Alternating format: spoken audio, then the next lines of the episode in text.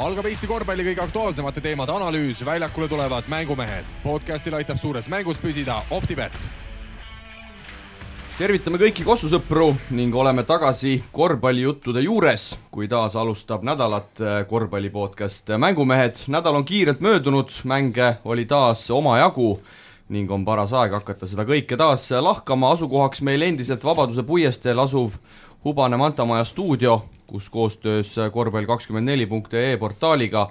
igal esmaspäeval põnevaid korvpall, korvpalliarutelusid äh, teieni toome. täna saame taas rõõmustada kõiki neid kuulajaid, kel minu ja Kristo jutust juba vaikselt viljand hakkab saama, kuna oleme stuudiosse kutsunud järjekordse mehe, kes hakkab meiega koos eelmise nädala korvpallijutte arutama. tere tulemast Mängumeeste sekka, Rapla meeskonna peatreener Toomas Annuk! jaa,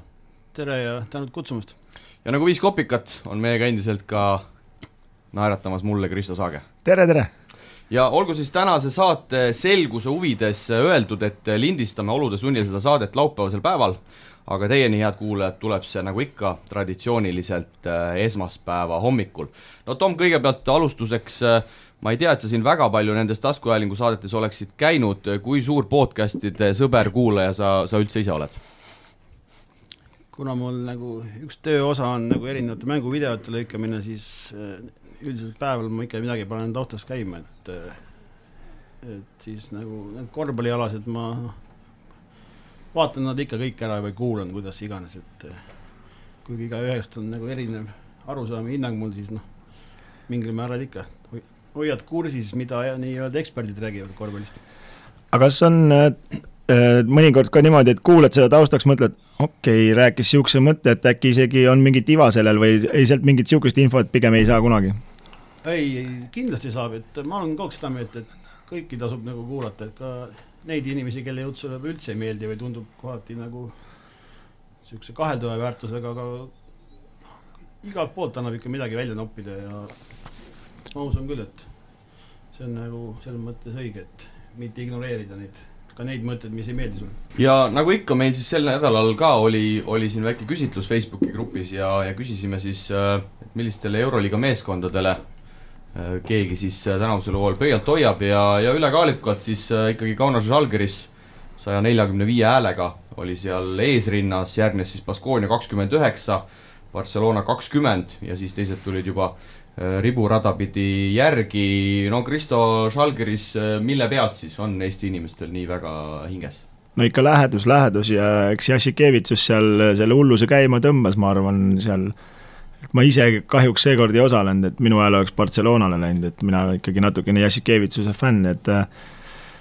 aga ega kellel me ikka pöialt hoiame, et Venemaa, Moskvale me ei hakka vist arvatavasti pöialt hoidma ja siin ikkagi Salgeris on meil nii koduselt ja lähedal ja omad poisid sealt läbi käinud ja tulnud. kuidas sul, Tom äh,, oled kindlasti ka Euroliigat sel hooajal kõvasti jälginud, et, äh, et kes, kes sinu südame, südame võib-olla siin viimastel aastatel sel hooajal võitnud on? Üldse viimastel aastatel ma olen ikka selline Barcelona fänn mingil põhjusel olnud, et noh, üldse. Hispaania kui riigi, Barcelona kui linna ja ka see korvpalliklubi mulle noh, kuna on õnnestunud seal käia ja on paar tuttavat inimest seal nagu tööl ka, et kes on aidanud seda klubi külastada, siis ikkagi nagu neile hoian pöialt ja sel aastal noh, nende muljetavaldav mäng veel rohkem tõmbab kaasa, et aga kui rääkida ja nii naljakas kui pole, siis hetke tabeli teine meeskond Bayern on sel aastal nagu kuidagi sümpaatne, et noh, ma olen nagu pikalt oodanud, et mõni Saksa klubi ka sinna esiotsa nagu kanda kinnitab ja noh, Trinsieri on ka kindlasti treener, keda on väga huvitav jälgida kõrvalt.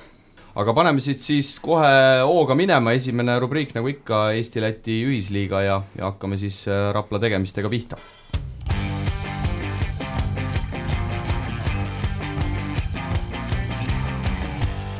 Eesti-Läti ühisliigas siis äh,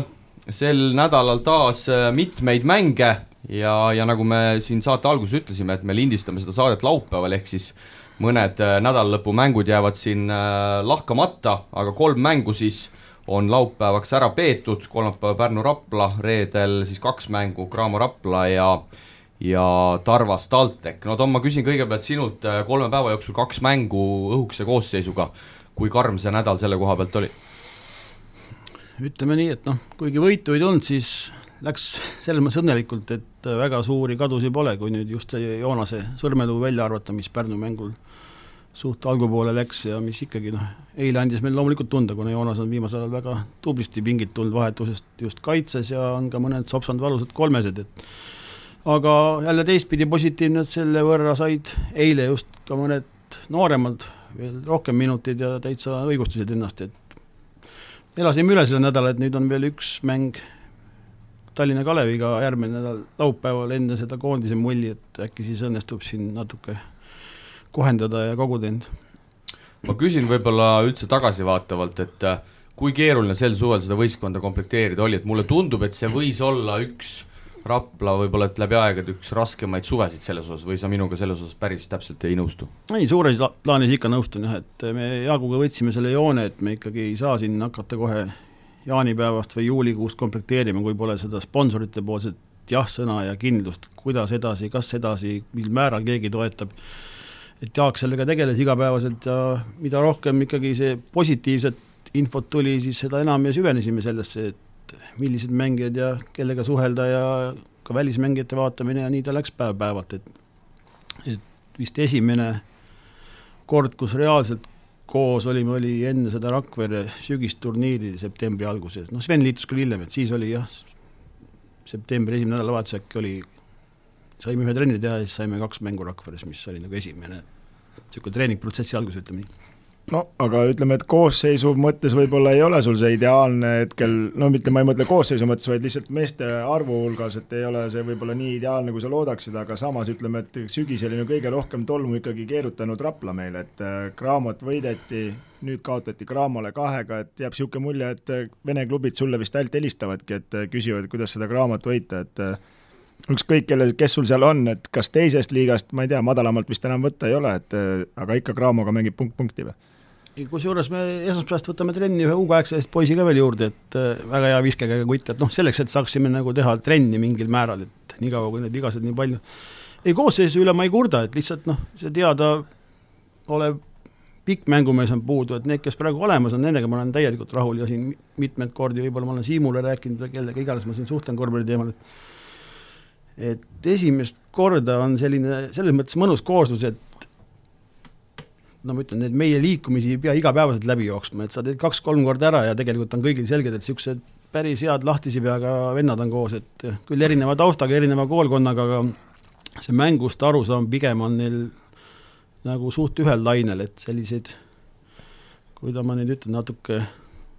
raskema peaga mehi meil pole seal võistkonnas see aasta no ütleme, kui seda kõige rohkem on muidugi ju kahju sellest äh, tagumisest teil nüüd, mis see Tšehhi poisi nimi oli? Slovaki. Slovaki jah, läheb selle kogu aeg mul selle Maksuuniga segamini. Ihring, Kristo, Maarjo Ihring. ja nüüd on meeles ja Ihring, et äh, need mängud, kui tema on mänginud, on jällegi pilt teine, et ta on ikkagi päris, olen jälginud ka, et ikkagi terava jalaga ja niisugune loov mängija, et äh, loob palju olukordi, et äh, et aga kokkuvõttes ütleme nii, et hetkel Rapla mängu üle nagu nuriseda ei saa, tulemused on ka enam-vähem selles mõttes ja nüüd, kui selle pika mehe saab, et pole nagu probleemi, et võib-olla tahaks Tom Kaldralt natukene juurde panna või kuidas sa ise tunnetad? Et kui kõigepealt Maarjost rääkida, siis loomulikult on üpris andekas vend, et et ja nagu kellele me siin selle mängu nüüd kaotasime, oligi Tarvas eelmine siis Andre Pärn saatis nagu väga tabava sõnumi, et nagu vingelt panete, et aga midagi pole öelda, meeldib või mitte, võistkonna A ja O on Marju Iring, et kui ta on puudu, siis noh, on midagi päris suurt puudu, et et talendika noore kutiga on tegu, eks tal ka omad tõusud-mõõnad, et kusjuures tema siia tulemises päris nagu suurt rolli või niisugust head infot andis mulle Veiko Rannula, kes ütles, et et mul on see Maksuuni olemas, aga vaata üle see kutt, et see on päris lahe vend. Ja noh, nii kui ma seda videot vaatasin, mõtlesin Jaagule, kuule, et hakkame nüüd tööle. Ja sain taustainfot tema Horvaatia treenerilt ja noh, see ta ongi, kes, kes see taustainfo, mida see taustainfo ka ütles, aga Tomist rääkida, siis noh, selge see, et ta oli üks esi, esiliiga parimad mängijad eelmine aasta, aga noh, nagu me ka sügisel nägime, see esiliiga ja nii-öelda kõrgliiga vahe on ikka päris suur, et tal võtab see natuke aega, see kohanemine võib-olla kiirustega, noh, mingid söödud, mis esiliigas läksid läbi nagu muuseas tema jaoks on ju, siis siin ikkagi on, et kaitse on tihedam, agressiivsem, tuleb mõned eksimused, eks ta elab üle, aga ma ikkagi näen, et on siin mingid mängud juba hakkab nagu tulema pildile, et noh, tal on vaja natuke ka neid õnnestumisi just mõned lihtsad visked ära panna ja et äh, ei, ta läheb step by step edasi ja ma olen kindel, et tema roll on ikkagi päris suur varsti rääkides äh, Iiringust, äh, Tom, veel siis äh, räägi, mis seis jalaga praegu on, kas järgmine nädal Tallinna Kalev peaks juba valmistuma selle mehe vastu ja, ja kas ta ka Slovakkia koondisesse on minemas? kui koondises, siis ta on minemas jah, et kuupäev nüüd ei mäleta, no peale Kalevi mängu lähebki, et aga ega eile, kui sa, no sa võib-olla tähele ei pannud, ega mingi moment, kui seal meil Aminu sai viis viga ja kaks meest olid nelja vigaga, siis me lasime ikkagi kiirelt ka Mariole ära teipida, et mine tea, mis seal lõpus on, et minut kaks, et kusjuures me poole ajal tegime nalja seal omavahel dušikas, et et proovime selle mängu nagu suht võrdse hoida, siis viimane kaks minutit tuleb, teeb ta oma ära, nagu seal Raplas tegi, aga ei hakanud seda riski võtma, ei me hoiame ja esmaspäevast hakkab ikkagi võistkonnalt, võistkonnaga koos treenima, hetkel ta ikkagi sada prossa veel terve pole, et me üritame neid riske vältida, et kuna hooaeg on ikka päris tihe sel aastal, et tuleb nagu ettepoole mõelda aga kui vaadates Rapla meeskonna välismaalasi üldse, et äh, no Freimannis on teada-tuntud, ütleme nii, et äh, lätlane ikkagi põhimõtteliselt meil oma, oma poiss juba, et tema iseloomuga eriti keerulisi polnud, et teil on ju seal Raplas käinud ka igasugu välismaalasi läbi, et aga iseloomult on selle aasta omad nagu niisugused võistkondlikud ja tunduvad vähemalt nagu head suhtlejad ja mitte isetsejad. absoluutselt õigesti oled aru saanud, et kusjuures äh, ka meie Sadurini spordijoone Adi Minn ütles mulle sügisel hooaja alguses, et nii ägedaid välismaalasi pole, kes on viisakad, juba räägivad eesti keelt, on ju, et siin on nagu käinud täpselt sellised, igasuguseid artiste meil, et, et see seltskond on ikka jah, pigem väga intelligentsed, positiivsed ja noh, ka Robertsoni puhul selline täiskasvanulik kogemus ja nõudlikkus teiste suhtes, et, et selle kolmikuga ma olen väga rahul mis sa Ilvese kohta, Tom, rääkida oskad, hetkel on kaitseväes, mis seisud seal on, kas see on ka ikkagi selline, nagu meil üldse see tänane päev siin päev-päevalt, et, et vaadatakse kõiki asju, et, et sa ei, sa ei oska ennustada, kas ta järgmine laupäev Kalev vastu on olemas, et see, see ikkagi on väga lühiajaline protsess. jah, ega ta oli meil ka Tarvase vastu oli reaalselt olemas ja siis õhtu enne mängu kirjutas, et kuna üks sõdur, ajateenija siis ikkagi on koroonaga seal, tuli tagasi kodust siis pandi nad karantiini või. ja eile rääkisime, ütles nüüd on neid positiivseid juba seitse, et eh, noh, ilmselgelt nagu vist Kuperjano ja pataljon juba pandi lukku, et esmaspäeval pidi ka neil olema mingi tähtis otsus tulemas, et kas siis täiesti lukku või kuidas seal edasi läheb, et ta ei tea midagi, et ega no täpselt päev-päevalt ma tahaks selle Freimanise juurde tagasi tulles, et äh, hetkel seda Freimanise mängu vaadates, siis tulevad need Valga ajad meelde, et äh, pärast seda läks Ventspilsi, siis ta seal nagu ütleme nii, et ta ei ole väga hea rollimäng, noh, ta on okei okay rollimängija, selles mõttes teeb oma osa ära, aga siis ta nagu ei sära, et aga teie võistkonnas ta tunnetab, et talle antakse palli, ta loob teistele olukordi ja ise lahendab ise ka ikka kadestamisväärse protsendiga. jaa, ei tal on olnud siin nii väga häid mänge, kui nüüd noh, paar viimast võib-olla natuke raskemad, eks peale seda tervisejama, mis tal oli, et ka võib-olla pole taastunud, on natuke ta selle võrra pinges, aga ja noh, nagu sa ütlesid ka, et ta, kui ta siin oli Ventspils ja VEF, nüüd ta on Raplas, eks noh, kui sa oled mänginud seal Plumsi, Janisenoksi ja Kulbisega koos, siis natuke võib-olla vahepeal ehmatab ära, et kui mängid siin meie esiliiga poiste ja U kaheksateist poistega koos, et ta natuke läheb selle võrra võib-olla pingesse, aga ta ikka on selline selge liider, et noh, ja ta ikkagi on hästi nõudlik nagu enda suhtes ja ka teiste suhtes ja et noh, kapteniks ma panin ta ja selle rolli ta on väga ilusti, täidab ära ja ja selline liidritüüp ta on küll jah, meie võistkonnas. aga selle kapteni koha pealt mul tuli ka, tekkis ka nagu küsimus, et äh, mismoodi on võimalik, et välismaalased panevad kõik enda kapteniks, et Eesti võistkonnad ikka siis pole ühtegi ees, ma tean küll, kuidas neid kapteneid valitakse, võistkonna sees valitakse ja noh, pannakse või treener paneb, on ju, aga, aga mis värk sellega nagu on? Ei, minul nagu selle välismaalase suhtes pole mingit eelarvamust, et sel hetkel, kui Robert tuli, olidki meil kõik sellised noored poisid selles, Sven oli veel Saksamaal, et siis noh, ilmselgelt ma ei, ei saanud panna kapteniks sealt noh, eestlastest muidugi oleks võinud Gregori panna, aga noh, seal on ka ikka sisuliselt kümme aastat vanusevahet seal Robertsiga ja noh, ma küsisin, kas ta on nõus selle rolliga, ta jah, ta on, ütles, et proovime, saame hakkama ja ma usun, et selle valiku ma olen täppi pannud tuleme nende mängude juurde ka, läheme natuke spetsiifilisemaks, võtame kõigepealt selle eilse Graamo mängu, no Aminu on väga hästi mänginud ilmselgelt hooaja alguseks, aga aga eile oled sa minuga nõus, et Toomas ikkagi näitas ära, kes, kes kus reaalselt asuvad? no seda kindlasti ja eks Vaitsid on hästi kihvt kutt ja noor ja aga noh, ta ei ole ka puhas viis ja kui teisel pool oli vastas selline tõsine tummine number viis, kellel on ka kõrgemal mängimise kogemust, eks ta siis ikkagi sel korral omas ära seal meie noore kuti, et ja võib-olla ta ei suutnud ka iga vilega kohaneda ja et reaalselt eile teda nagu jah, mängus olemas ei olnud meie jaoks. Ma tahtsingi tulla, et äh, nende mängude juurde, et noh, Pärnu-Rapla mängu ma vaatasin, ütleme seal kohe natukene algus jäite, saite hea rütmiga minema, aga tuleme ikka kõige põletavama juurde, Graamo Rapla seitsekümmend kuus, seitsekümmend neli, jälle kaks punkti vahe, et kaks omavahelist mängu nullis, et okei okay,, Aminu minu arvates ka, kui ma Tarva turniiri vaatasin, siis ma vaatasin, et ta ei sobi, kui see Alahotsist tuli, siis ta oli üldse endal rütmist väljas, et aga nüüd ta on ikka väga okei okay mänge teinud siin, ütleme eilne muidugi kukkus ära, aga aga mis värk selle Craamoga siis on nagu, et äh, suudate, nad ei suuda kuidagi teid üle joosta, võiks ju loogiliselt võtta, et mingi kakskümmend, kolmkümmend võiks olla, kui niisugune koosseis vastu tuleb või ma ei kujuta ette? seda, miks nad midagi suudavad või ei suuda, eks tuleb nende käest küsida, ei oska mina teiste võistkondade asju kommenteerida, et hetkel on nagu head lahingud olnud mõlemad jah, et kuigi kodus see vahe läks päris suureks, ma poole ütlesin ka ikkagi meestele, et oli see seitseteist või midagi sellist, et no ega mäng ei ole läbi, et et meil on nagu hea võimalus, arvestades ka nende kalendrid, asju ikkagi nad ära nõelata kodus ja noh, hakkasin mõned visked kukkuma ja võib-olla seal mõni mees tahtis rohkem isetseda ja meil tuli head õnnestumised ja sealt tuli see võit ära ja eile noh, mis mu sõnum oli, ütlesin ka noortele, meil ei ole siin midagi kaotada, meil on ainult võita siin mängus. Kõik, Markus Ruubelid, Tommid, et, et see on ju selline võimalus, kui kedagi nagu põhimeestest on puudu, siis saadki sina näidata, et sa väärid ka mingid minutid ja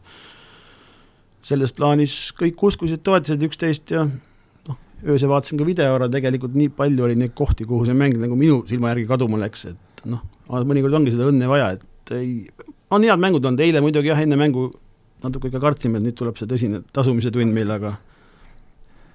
läks nagu vähe paremini. aga mis see, mis see detailsem mänguplaan nendes kahes mängus on olnud, et teil on ju tegelikult mõlemas mängus mehi puudu olnud, et et, et kuidas sa nii-öelda spetsiifilisemalt võib-olla oled seda lahendanud, et, et Graamo vastu ikkagi nii hästi olete nüüd mänginud? kusjuures me ei ole nagu nii, et noh, Graamo vastu nüüd nii, eks eile oli mingi plaan, oli selge see, et äh, läbi nende pikerroll kaitse rünnata, kus seal me nagu teadsime mõne, mõne mehe sellist nõrgemat külgesi, samas oli ka vaheldumisi plaan nagu mingit special play'd teha Robertsi peale, viskajate peale, et selline tasakaal, et noh, on niisugused a la motion tüüpi asjad ja siis ka kindlad set play'd, et et see vahekord paigas oleks, et see mäng ei läheks nagu ainult ühes stiilis ja ma arvan, et mingil määral see nagu oligi selline asi, mis meid aitas nagu mängus hoida ja tulles sinu jutu juurde, et sa rääkisid nendest mängijate IQ-st, et sul on sel aastal tundub nagu, et hea sellega, et et äh, ise vaadates kõrvalt ka, et kas sa tunnetad, et nad äh, selle etteantud plaani nad suudavad ikkagi ütleme, kaheksakümmend, üheksakümmend, sada protsenti kindlasti on nagu keeruline täita aga, aga kaheksakümmend, üheksakümmend protsenti suudavad sellest kinni hoida ja lollustest äh, nagu eemal, eemal hoida või? Ma arvan, et päris vähe on korvpallitreenerid, kes arvavad, et isegi kaheksakümmend protsenti kinni hoitakse, et ei no aga mingil määral ei, nad ikkagi üldiselt mõttes. üritavad teha ja noh, hetkel peame aru saama, et selline puhtakujuline mängujuht puudub, et äh, Saimon on nagu ülimalt tubli olnud, aga ta ikkagi selgelt number üks ei ole tema koht, et ta noh, ikka läheb mingi aeg läheb midagi segamini, ta, me oleme temaga number ühe koha peal mõned korrad saanud need set-play'd läbi joosta, seda arvestades on ta väga tubli olnud, aga ikkagi seal vahepeal kiilub kinni, noh, siis tuleb mõnikord improviseerida mis ma ikkagi olen kogu aeg julgustanud, et ikkagi vaba on, tuleb visata, et ka eile nägin neid kohti, kus tegelikult jäetakse viskamata ikkagi. et, et nagu ma ütlesin, et ega see korvpall on sisseviskamise mäng, ise tuleb uskuda ja mitte üle mängida mingites olukordades, et mitte ainult, et see rangelt see mänguplaan on selline, nüüd me jooksemegi mööda neid jooni, et ikkagi annan ikka vabadust ka, et kui on mismatch'id, tuleb ära lahendada ja sellised olukorrad kõik ära kasutada mis teil nüüd äh, Jaaguga seal kokkulepped on, äh, nagu ma olen aru saanud, ühte pikka meest otsite, ilmselt üritate ka ikkagi Ilvest saada nii palju kui võimalik ja, ja sellega selles suhtes meeste osas piirdub või, või vaatate isegi veel ringi? ei, hetkel ikkagi fookus ja kogu see aeg, vaba aeg nii-öelda, kuidas, vaba aeg ta pole, aga muu aeg peale mängude on pikkade otsimisel ja leidmisel, mis on nagu maru vaevaline. enne, enne mängu eile Rainbokiga rääkisime ka, nemad otsivad ka midagi ja noh, suht samad mured on mingi kümme erinevat agenti pakub ühte sama mängijat, kõik räägivad, see on tema mängija, sellised noh, nii tobedad olukorrad, et ei olegi nagu sellist õiget pikka nagu, kui Ali Otsitsit vaatasime, et vau, see on kõige mees, et proovime nüüd selle saada. et siin pakutakse küll kahemeetrised ja meetri üheksased ja kaheksased, kes agentide jutu järgi löövad liiga puhtaks, aga noh, videot vaatad siis, see on nagu kõige keerulisem jah, aga muude mängijate kohtade pealt me ei otsi midagi no eks seal hetkel ju suuri murekohtasid pole, meeskond on pildis, töö käib ja eks siis, kui häda käes on, siis jaanuaris-veebruaris saab ka veel ju ringi vaadata, et aga noh, ma ikkagi jah, selles mõttes, kui sa ütlesid, et su sõnum eelmises mängus, kui miinus seitseteist oli, siis mina tean, kuidas seda Craamat äh, niimoodi võita saab, aga mind nagu peab imestama, et kuidas Cramo suudab nagu niisugused nagu need seitseteist ette eest ära anda, et nad ju peaks klassi olema, et äh, kas sinu jaoks on ka üllatav see Cramo, ütleme, no muidugi sinul on raske seda kommenteerida kui treenerina, aga kas on üllatav, et see Cramo nagu nii kehva kvaliteeti näitab sel aastal? jällegi ma ei teiste võistkondade kvaliteedi kohta ei ütle sõnagi, et ma ikkagi keskendun enda võistkonna asjadele, et äh, olen seda VTB mängu vaatasin Astanaga ja noh, VTB-s ikka elad neile kaasa, et kahju, et seal ka nii on läinud sel aastal, et aga tuleb ka aru saada, et ka nende komplekteerimine suht samas stiilis läks meie võistkonnaga, et suht hilja alustati noh, mängijate valikuprotsess, ega neil ka lihtne pole, et äh, kui rahakott ei ole päris see võib-olla, mis teistel klubidel, siis et ma ei oska jah, seda nagu nende, nende tööd ja kvaliteeti kommenteerida, ma loodan, et neil ikkagi aga kas sa sellega oled nõus, et kui sa seda VTB mängu vaatasid, et mida mina nagu seda mängu kommenteerides panin tähele nagu, et Astana mängis ülimalt võistkondlikult äh, selles mõttes, et need kõik kuus välismaalast, kes oli, jagasid palli, kõik viskasid võrdselt punkte, aga Graamo mäng on ikkagi no nii Kiini ja Tooma või selle Lewis'e äh, keskne, et nii kui sealt kahest ühe mängust ära võtad, siis teistel on juba ebakindlus nii suur, et äh, et noh, keeruline ongi võita minu arust. Noh, ma olen ka alati seda usku, et korvpall on võistkonnamäng ja noh,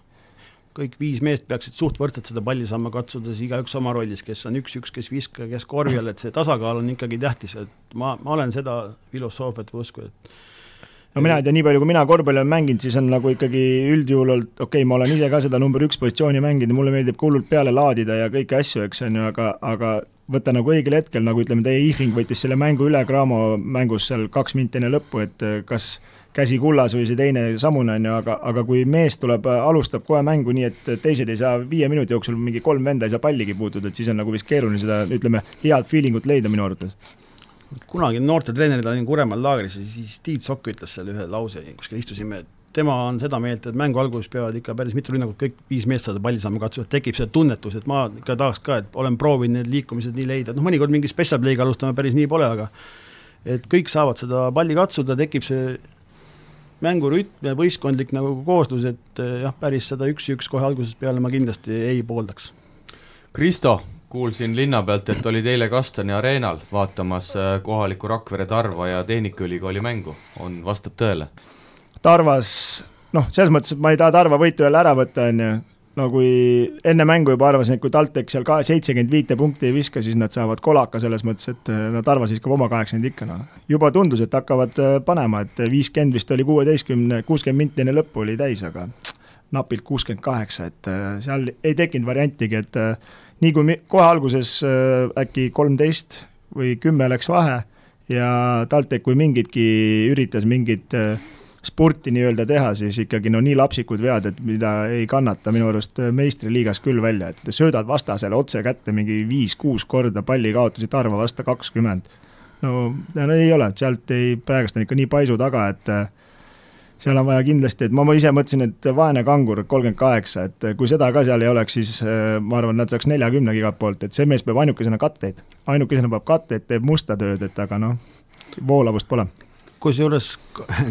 kanguri katted, ma videost tõin välja ka meie Valtsiidile, et eh, see on nagu asi, mida sa pead õppima ja vaatama, et see on nagu selline kvaliteet, et sinna joostakse kinni nagu väikse sõiduautoga veoauto taha ja ongi kõik, et no eile, mis ma sõpradega vaatasin eh, ka seal mängu ja siis eh, ütlesingi, et vaata nüüd, kuidas kangur paneb kattet, et ta kutsub meie kattesse, ta paneb jalad laiali, seisab koha peal, no sealt ongi kaitsel raske ümbert nagu mööda minna, et kui sa paned katet nagu kaks kätt kõrvuti ja siis ongi, kaitse lihtsalt jookseb järgi, et aga noh, ikkagi noh, kangurid me ei saagi, et hakkaks sul kakskümmend, kakskümmend viis punkti panema, et äh, natuke nagu ebaplev on terve see võistkond nagu, et äh, mingid äh, enam-vähem hetked olid, aga ikkagi ei. räägi, Tormi Niits algkoosseisus kaks pool minutit ja rohkem väljakul ei käinud, oskad sa täpsemalt öelda, mis, mis seal juhtus? jaa, seal juhtuski väga niisugune, ütleme nii, et mängudes ikka juhtub, aga Äh, jooksid tagasi, võttis kangurid kaitses seal natukene kätega, minu arvates, ma videost ei ole näinud muidugi, natuke nagu nügis, möllas, kangur tahtis nagu kohtunikud ei vilistanud midagi, kangur tahtis näidata, et veaolukord tõstis käed üles ja nii ebaõnnestunult lõi kulmu siia üles. kui ma ei eksi, siis oli vasaku kulmu üles ja, ja nüüd on ikkagi pahandus, et vist Kolju Luus kohe pidi mingi mõra sees olema operatsioonile minek ja et niisugune äh, ebavajalik olukord äh, oli niisugune hästi ebamugavalt all ka nagu, et äh, noh, kangur suur mees ka, et sealt võis päris valus olla. no loodame, et tormiga ikkagi kõik saab korda ja, ja, ja loodetavasti siis üsna pea väljakul tagasi, aga aga üks mees, kelle ma tahaksin siin positiivses võtmes välja tuua, Egert Haller eile taas kakskümmend punkti ja Haller siis kõikides senistes mängudes on visanud kahekohalise punktiarvu kolmesed nelikümmend kaheksa protsenti viiekümne neljast äh, kakskümmend kuus no omalt poolt ka kiidan Egertit, olen ka talle mõlema korra peale mängu öelnud, kätt surunud, et no hämmastava enesekindlusega, me ju, me ju kõik teame, et ta viskab ja ta võtab need rasked visked ja siis ikka laiutad ise ka platsi äärest käsi, et kuidas, kuidas see võimalik on, et ta tuleb, paneb nii enesekindlalt nad kotti, kuigi me ajame teda taga ja ei, müts maha, väga tubli. et suure visete arvu juures tegelikult ligi kaheksa kolmest võtab siis mängu kohta ja neli tükki paneb ära, Kristo hakkab sinna sinu kanti liikuma. jah, ma panen ühe ära või kaks, aga esiliigas, aga, aga ma tahtsin ikkagi selleni jõuda, ma ei tea, praegast ei meenu, kui raskeid visked, ma mäletan, et Graamo vastu olid raske visked, Rapla vastu ei meenu kui rasked, aga no TalTechi vastu no üksi saalis, selle vist ta, palju tal eile olid kolmesed? eile olid vist kaheksast neli, kui ma nüüd kaheksast neli jah, siis ta seal äh, kaks tükki pani niimoodi, et TalTechi mehi poolt lähedalgi, et need pani mööda kusjuures ja, ja aga no ongi arusaamatu, et äh, mees ainult viskab ja TalTech läheb ikka tema pealt appi, et, äh, et noh, samamoodi Kaido Saks eile tuli ja, ja pani, et noh, kuidagi TalTechi kaitset, lase siis sellel, kui ma ise nagu oleks treener, no ma ei tea, kui üldse ei toimi, siis äh, aita sealt kohtade pealt, kus ma ei tea, las Harris paneb kolmeseid, äh, las Lindmets paneb kolmeseid, aga ei, ajavad taga, jätavad täiesti valed mehed vabaks, et aga Alleril müts maha selles mõttes ja mulle üldse tundub, et see lätlase tulekuga on äh, ja Sten Saaremäe, tema ei taha eriti palju viskeid võtta, no mingeid viskeid ikka võtab, aga juhivad mängu päris hästi ja leiavad õiged kohad üles ja mehed viskavad ära. juba enne hooaega siin keegi ajakirjanik küsis, et noh, tehti ikka erinevad ranking ud, et umbes, et Rakvere seitsmes, Rapla kuues ja siis on mingid tugevad tiimid ja siis ma nagu ütlesin kellelegi, et äh, halloo, et noh, ma arvan, Graamo peaks olema tugevam kui Pärnu, aga öelda nüüd, et Rakvere on see selge viimane, on minu arust suur rumalus, et ja nüüd, kui see Kluditis juures on, nagu sa märkisid, no väga arvestatav võistkond, et noh, loodame ka, et nad kestavad selle mängude arvu juures, aga no tagaliin on päris impressive ikkagi selle liiga kontekstis ja nüüd see Alleri vised võib-olla isegi pole nagu rasked visked, aga kui see ju käsi peal, ta paneb nagu enesekindlalt ära, ta ei kõhkle selle, et noh, ja selle meenubki see Obradovitši ütlus ühel treenerite kliinikul, et viskajad peavad tegema oma tööd, see ongi nende töö ja tema teeb seda küll praegu oma raha eest ära. ja et eelmine aasta Alleriga koos mängides ka, et ega ta ei ole kindlasti see vend, kes ütleme, paneb sul viis-kuus tükki mööda, et hakkab põdema, tuleb järgmine mäng, hakkab uuesti laduma ja ka hetkel pole ju mööda midagi ladunud ja ja no muidugi, mis tema suur pluss on see, et ega kaitsjatel ka kerge ei ole, et ta tegelikult ju väga kiire viskega ja kui ikkagi eelmine aasta võib-olla mängujoonis polnud selline, et äh, siis ta rohkem kiiretes pani neid kolmesid, aga hetkel tuleb alt üles nagu J.C. Carroll ja see on nagu hämmastav, päris heas vormis peab olema, et ta suudab siis nagu normaalseid viskeid teha no ja tegin siin äh, Egertile vähe ka liiga, äh, Egert siis eile ikkagi kaheksast viis, mitte, mitte kaheksast neli, nii et nii et rõõm näha, et, et siin Eesti mehed ka kohalikus liigas heas hoos on, aga aga sel nädalal tuli siis ka uudis, et Eesti ja Läti klubid omavahel põhiturniiril ei kohtu. kuidas, kuidas sellesse, Tom, suhtuda? ühtepidi kahju loomulikult, et sellist head vaheldust Läti mängude näol oli alati mõnus kogeda, et noh, välja arvatud siis, kui kuskil Ventspilsis seal neljakümnega said või kolmekümnega, siis kuus tundi bussis istusid, siis nagu ei olnud see head tagasisõit, aga ikka minule väga meeldis seal mängimas käia ja eh, kahju muidugi, aga loodame, et kevadel ikkagi saame nendega vähe rammu katsuda noh, samas ütleme, et arvestades seda olukorda praegust maailmas ja nii, et ega see, ma, arvan, et Eesti liiga need seitse võistkonda ja arvestades, et äh, Graamo nüüd ka nüüd nii üle mäe kõrguselt ei ole teistest, et pole halb ka seitsmekesti see kuus ringi mängida või ütleme siis äh, kuus ja neli, et vahelduseks võib-olla okei okay ka tegelikult. kõige tähtsam, et mängida saame, et olgu need siis ainult Eesti võistkonnad, et peaasi, et see nagu korvpallielu seisma jäi, jah aga liigume siit edasi ja võtame siis äh, ette järgmise rubriigi. korvpalli Euroliiga kuumimad teemad aitab mängumeestel teieni tuua Eesti Kütusepank, Terminal Oil. euroliiga järjekordne mänguvoor kaheksas siis äh, sel nädalal oli ja aitäh siis ka meie heale toetajale Terminal Oilile, kes äh, aitab selle teieni tuua, no mis siit Euroliiga kaheksandast voorust välja võtta, no siin ikkagi kaks meest panid väga korraliku kontserdi, Vassiljev Mitšitš siis äh, Shane Larkini puudumisel äh, kolmkümmend kolm punkti ja CSKA Darren Hilliard kolmkümmend üks punkti Mike äh, Jamesi puudumisel või on siit mehed midagi, midagi veel välja võtta? kui need individuaalsed sooritused kõrvale jätta, mis mõlemad muidugi oli muljetavaldavad, siis see Barca ja Venerbatsi mäng, või ütleme just see Barca mäng, et see oli minu jaoks nagu üks muljetavaldamaid korvpallimäng ühe võistkonna esitus, mis ma siin võib-olla viimase paari aasta jooksul üldse olen näinud, et et noh, arvestades, et ka neil on veel hooaja algus, siis nagu lihtsalt suu lahti vaata, kui hästi suudavad, suudavad mingid vennad korvpalli mängida, nii kaitses kui rünnakul, olenemata, mis su nimi on, oled sa Mirotis Davis või midagi muud, seal on pandud hästi-hästi koos toimima see asi neil ja et mis mind muidugi üllatas äh, CSKA Baskonia mängu juures, et äh, CSKA kindlalt oli üle, aga lõpus läks jälle nugade peale, et kui ma nüüd mäletan õieti, siis viis minutit enne lõppu olid seitsmeteistkümnega ees ja siis lõpuks võidavad kolmega ja seal oli viigi seis veel kaheksa-neli, kaheksa-neli ja siis pani see Illard veel kolmese, et äh, mis otsustas selle mängu ära, aga ma ei tea, CSKA-l ma arvan, Jamesist väga palju puudust ei ole, et meeskondlikult mängitakse paremini ja noh, ma Vatutinile pole veel helistanud, et mis juhtus Jamesiga, aga eks seal mingi pahandus on, ma arvan. ma loen neid päris palju neid erinevaid Vene portaale, üks on selle Komelski, Komelski nagu konverents või portaal või blogi, kus ikkagi see käib diskussioon just CSKA ja IMK-i soorituste üle ja hästi palju muidugi teemaks Aleksei Sved ja Mike James ja noh, ka treenerid. et et äh, täpselt ei tea, aga vist oli IMK-i ja CSKA mängus Ituudise ja Mike Jamesi vahel vist oli mingi suuremaks raginaks läinud, et nüüd seal oligi juba arutelu, et kumb siis nüüd jääb või kumb läheb, et eks peab neid sündmusi jälgima, et ja noh, mis teine teema, mida nad seal arutavad Vene portaalides, on ikka just need CSKA mängude lõpud, et ka seal VTV-s vist Parma ja äkki ja, Astana, Astana või? Äh, Parma, Parma andis, Parmale andsid, CSKA andis seitseteist no, ära. päris mitu mängu nagu lõpu, lõpuga maha mängida, nüüd ka seesama Baskonia mängu, et ikkagi noh, lõpp läheb väga keeruliseks, et nad seal nii-öelda ka kohalikud eksperdid juurdlevad, mis see põhjus seal on. et kui sinu juurde tulla, siis Par-, Parma mängu andis CSKA ära ja Astana mängu andis Imki ära, et niipidi oli, nii, jah, niipidi oligi.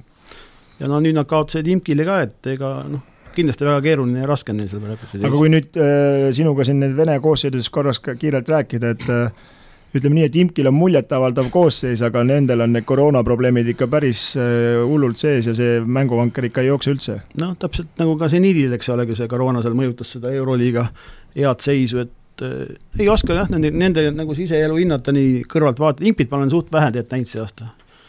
et CSKA-d mõned mängud olen vaadanud, et samas nagu ma usun, et see CSKA ikkagi lõpuks kevadeks on ta ikkagi seal eesotsas, et ta on selline võimas organisatsioon ja klubi, et küll need oma probleemid ära likvideeritakse ja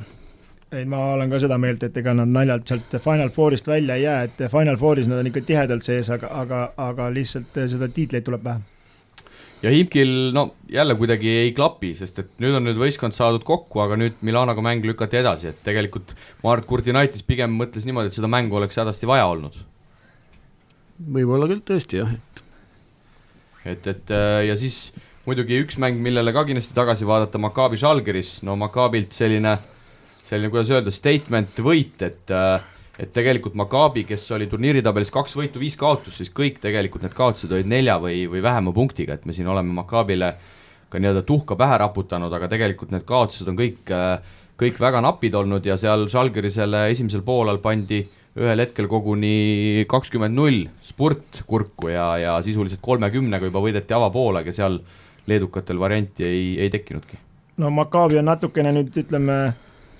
no ma oma potentsiaali pole välja mänginud, et üllatav muidugi Salgerise nii suur ärakukkumine, et siin äh, andsid äh, Real Madridile mängu ära põhimõtteliselt on ju, ja siis nüüd äh, ikkagi Maccabilt niisugune kolakas saada, et seal võib ka sõna, see ütleme, kui sa niisuguse kolaka saad, siis see võib pingeid tekitada ja enam ei pruugi nii hästi see vanker joosta neil ja seal äh, Maccabil siis Otello Hunter oli ka väljas ja see, see lühike koosseis tegelikult äh, Maccabil töötas äh, päris ilusti ja ja Žalgiris oli seal rünnakul, rünnakutel ikka päris suurtes raskustes ja siis lõpuks vaid viiskümmend seitse punkti sai Žalgiris kokku ja Toomas Valkop oli, oli kaheteistkümne punktiga võistkonna paremini, et Žalgiris on ka nüüd hakanud natukene allapoole liikuma. Jaa, et ma arvan, et minu silmis on alati, ütleme mingi juba viimased kolm-neli-viis aastat on Maccabi olnud niisugune äh, Euroliiga tarvas, et äh, võivad suuri hammustada, aga niisugust stabiilsust pole, et võivad hullu kotti ajada, aga samas see langemine on ka, võib neil väga suur olla, et äh, aga ma räägin, et siin võib paha tuju peale tulla Salgerisele, et, äh, et mine sa tea. ja vaatasin neid kolmeste protsente ka siin kaheksa vooru järel ja noh, osad mehed panevad ikka fenomenaalset hullu, Barcelona, Kail Kuric kahekümne viiest seitseteist, kuuskümmend kaheksa on protsent, kui me siin kui me siin äh, Pahvliiga rubriigis ka Hallerist rääkisime, Lucic kolmekümne kolmest üheksateist protsent, viiskümmend kaheksa ja ja Daniel Hackett siis kolmas kolmekümne kahest kaheksateist, ehk siis protsent viiskümmend kuus, et noh, seal liigas ikkagi visatakse nii-öelda liigale vääriliselt? no kuidas ma nüüd ütlen, et ka täpselt ka neid mänge vaadates ja kuidas need staarmängijad neid viskeid võtavad ja noh, see enesekindlus ja täideviimine on tõeliselt nagu ju muljetavaldav, ta ei ole imeks pandud, nad ongi head mehed, et aga vahepeal tundub küll, et noh, kui hästi saab üldse visata? no selles mõttes, et oled sa minuga nõus, et kui sa vaatad, ütleme, see näitabki nagu mängija klassi, et kui sa vaatad näiteks J.C. Carrollit ja Kuritsit Hispaania poolelt, et äh, vennad tulevad seitseteist minutit, teevad oma kaheksa viset ära, panevad kuus-viis kotti, lähevad minema, et kogu muusika ja no see mäng ongi nii, et saavadki selle eest raha, et nad on võistkonna selleks võtta, et raskel hetkel punkte visata, nende peale mängitakse, nad panevad ära ka, et see ongi nagu päris hull meisterklass, ma arvan. täpselt nii ta on, noh see Carroll vist juba oli siin loobumas, aga noh, ta ju ta on ka Reali jaoks nii oluline, et ja nii kindel vend, et noh, hästi palju mitu seda mingi stagger play'd on nagu tema peale tehtud ja ta jooksebki kaks-kolm korda need läbi, teeb oma kolm-neli kolmest ära ja lähebki pingile, ta oma no siit tulleski Reali mängu juurde, et Cervenas Vesta muidugi näitas muljetavaldavat mängu, selles, temal oli ju kaks mängu selles voorus, et kõigepealt mängisid Asveliga võõrsil, võitsid üheteistkümnega ja siis eile Realiga võeti nagu lõpus võit ära, et Tomkins korjas kõigepealt ühe palli põrandalt, viskas kolmega ette ja teisel rünnakul pani teise kolmes otsa ja sinna see mäng läks, ütleme, Svesta kohta, et seal see Obradovitš on see treener, eks? Jah, just. jah, et see, see on ka päris karm vana seal, et aga üllatavalt hästi võistkondlikult Svesta mängib, et see võib niisugune üllatav, üllatuslik tiim sel aastal olla. no Svesta juures ma tuleks selle publiku juurde jälle, et no eile ju oldi juba kolmeteistkümnega peal ja noh, mõelge nüüd ise, kui see, kui see Svesta saal oleks seal täis olnud, siis siis mis nii-öelda lisa see publik veel sellise eduseisus annab ja, ja ma arvan, et selle pealt võib-olla Real ei oleks enam tagasi tulnud, aga kuna tühi saal, siis äh, Real sai oma konspektid äh, paika ja ikkagi, ikkagi tagasi mängus oldi ja siin tehti ka nüüd statistikat äh, kaheksa vooru järel, et et sama palju on seni liigas võetud koduvõite kui ka välisvõite, et eelmistel hooaegadel see välisvõitude protsent on jäänud sinna kolmekümne viie kanti. et tegelikult siit järeldub, et need tühjad saalid ikkagi mõju avaldavad no ma arvan, nad kindlasti avaldavad mõju Makaabile ja Svestale ja noh, nüüd ka Salgirisele, kes siin oli päris naljakas nädal vaadata, kolmsada inimest väidetavalt saalis istusid seal ükshaaval suures saalis. Madis Allik oli ka üks nendest jah, et, et need on kindlasti nagu kolm klubi, kellel see publiku toetus annab veel selle ekstra ekstra boost'i juurde. ja huvitav fakt oli eile Tarva mängul üks ka niisugune, ütleme, korvpallifänn, kes käib mänge vaatamas ja küsiti, et millal lähed äh, Kaunasse mängu vaatama, ütles, et läheb detsembrikuus, ütles, et küsisime, kas pileteid on saada, ütles, et kuule, jaa, et vaatasin eelmine mäng, et äh, kolmsada piletit pandi müüki, enne mängu oli veel sada vaba piletit, et tundub, et see koroona on ikkagi nii hullult seal Leedus sees, et ei julgeta enam minna, aga aga publiku juurde tagasi tulles, siis ma mõtlengi, et see Svesta oli kolmeteistkümnega ees. kas oled minuga, Tom, nõus selles mõttes, et äh, sul endal on parem juhendada ka, noh, okei okay,, Eesti liigas on veel publik väljakul, aga kui mingit nii hullu möllu ei ole, ütleme, et mingi rasked hetked, kümme vahet, sa ei pea time-out'i jõudma, kõik kuulevad, mis sa räägid, on ju, aga kui see katel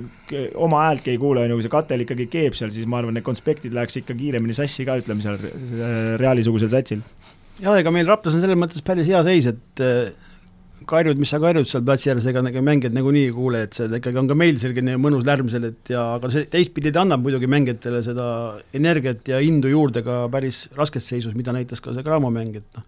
et siis ongi, kui sa tahad nagu mängijatega rääkida, on see time-out, kus sa saad midagi edasi anda. ma mõtlengi just vastastreenerina, et kui sa oled võõral väljakul, on ju, ja noh, selles mõttes, et nad kogu aeg karjuvad, karjuvad, et kui sul see asi hakkab, rong hakkab vales suunas minema, et sa saad ikkagi väljaku ääres ka juhendada, et nad ikka kuulevad sind või mängujuhi juttu kuulatakse või nii edasi. aa, sa mõtled praegu nagu tühjas saalis? no selle võrra kindlasti on ja, ja, lihtsam nagu treenerile seda sõnumit edastada. sõnumit edasi anda või mängijatele omavahelgi sõnumit edasi öelda, et lärmi pole, et karjud, ma ei tea, Carroll, mine sinna, sa mine sinna, eks, aga muidu ta ei kuulegi sind, vaatavad, vaatavad sulle otsa, et selles mõttes, et see nagu kõige suurem mure, ma arvan, ongi Svestal tuleme Baskonia juurde ka põgusalt, meie ainus Euroliiga mees Sander Raieste siis seal no praegu ei saa öelda, et mängimas on, pigem pingil istumas, mis mulje sulle, Tom, kogu see värk seal jätnud on, kas seal Ivanovitši soengu üle tehti mingi nilbe nali, et ta sinna pingi peale on jäetud või no kuidagi nagu üldse ei saa, et siin mingi Hispaania liiga mäng oli ka, kus vahe oli tegelikult juba suur, oleks nagu võinud meie meest panna, aga ikka ta ainsana seal, seal pingil kükitab. no ma arvan, Ivanovitš on selline kuju seal, et jätta mingi asja suhtes tema üle nalja, et seal hoitakse pigem hinge kinni, et ta on selline ikka pigem diktaatori tüüp, et aga kuna mul on seal üks tuttav Baskonia skaut, kes on ka Eesti poisse välismaal aidanud, nüüd ta on Baskonia skaut, ma kunagi küsin, kuidas, mis Sandril seis on, siis kui mängis. ta ütles, kusjuures tema ise aitas sinna Sandri kunagi. Ja ta ütles ka, et ta ei ole nagu aru saanud, et ta teab, et ta meeldib Ivanovitšile, aga et tema kasutamine, siis ta mängis seal kaks minti, kolm minti, neli, et äh, ütles, et ma ei ole sellest nagu aru saanud, ta paneb sisse, siis rohkem võimalust ei anna, aga nüüd ma ei olegi küsinud, mis, kas seal on midagi pahasti läinud või et ta on nüüd täitsa nagu ära unustatud seal. aga pildilt, pildi järgi vaadates äh, eilses mängust CSKA-ga, siis äh, väga nukker ei olnud Sander, et viskas nalja seal Polanaraga ja, ja ikkagi tuju on ikkagi veel rõõmus jätkuvalt. No ega raskel ajal aitabki see, kui pead püsti hoida ja uskuda. no eks ma arvan, et asjad hakkavad paremini minema. niisuguse treeneri kohta nagu Ivanovitš, kui sa seal pingil ka istud Mornilt, siis ekstra veel saad riielda, et mees, meeskonnale kaasa ei ela, et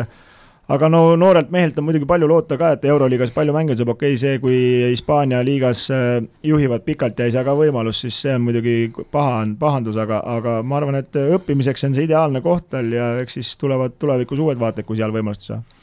ja kuulsin, et ülemäära paremini pidavat minema ka Soome superstaaril Petteri Kobonenil, et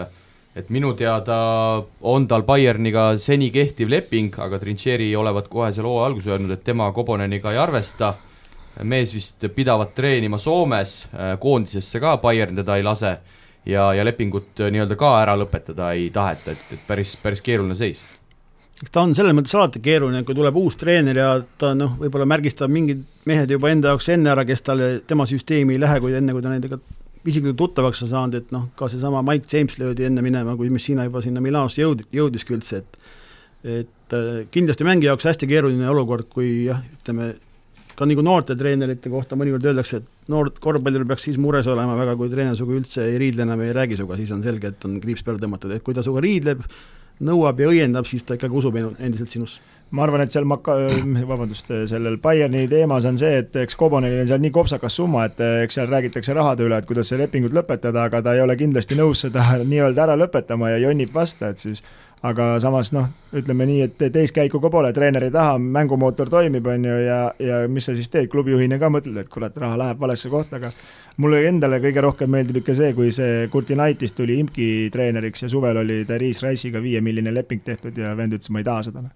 et, et see ja saadetigi minema, et siis ta oli ju vahepeal seal esiliigas ja ma ei tea, kus ta oli, töllerdas seal, mängis mingeid mänge ja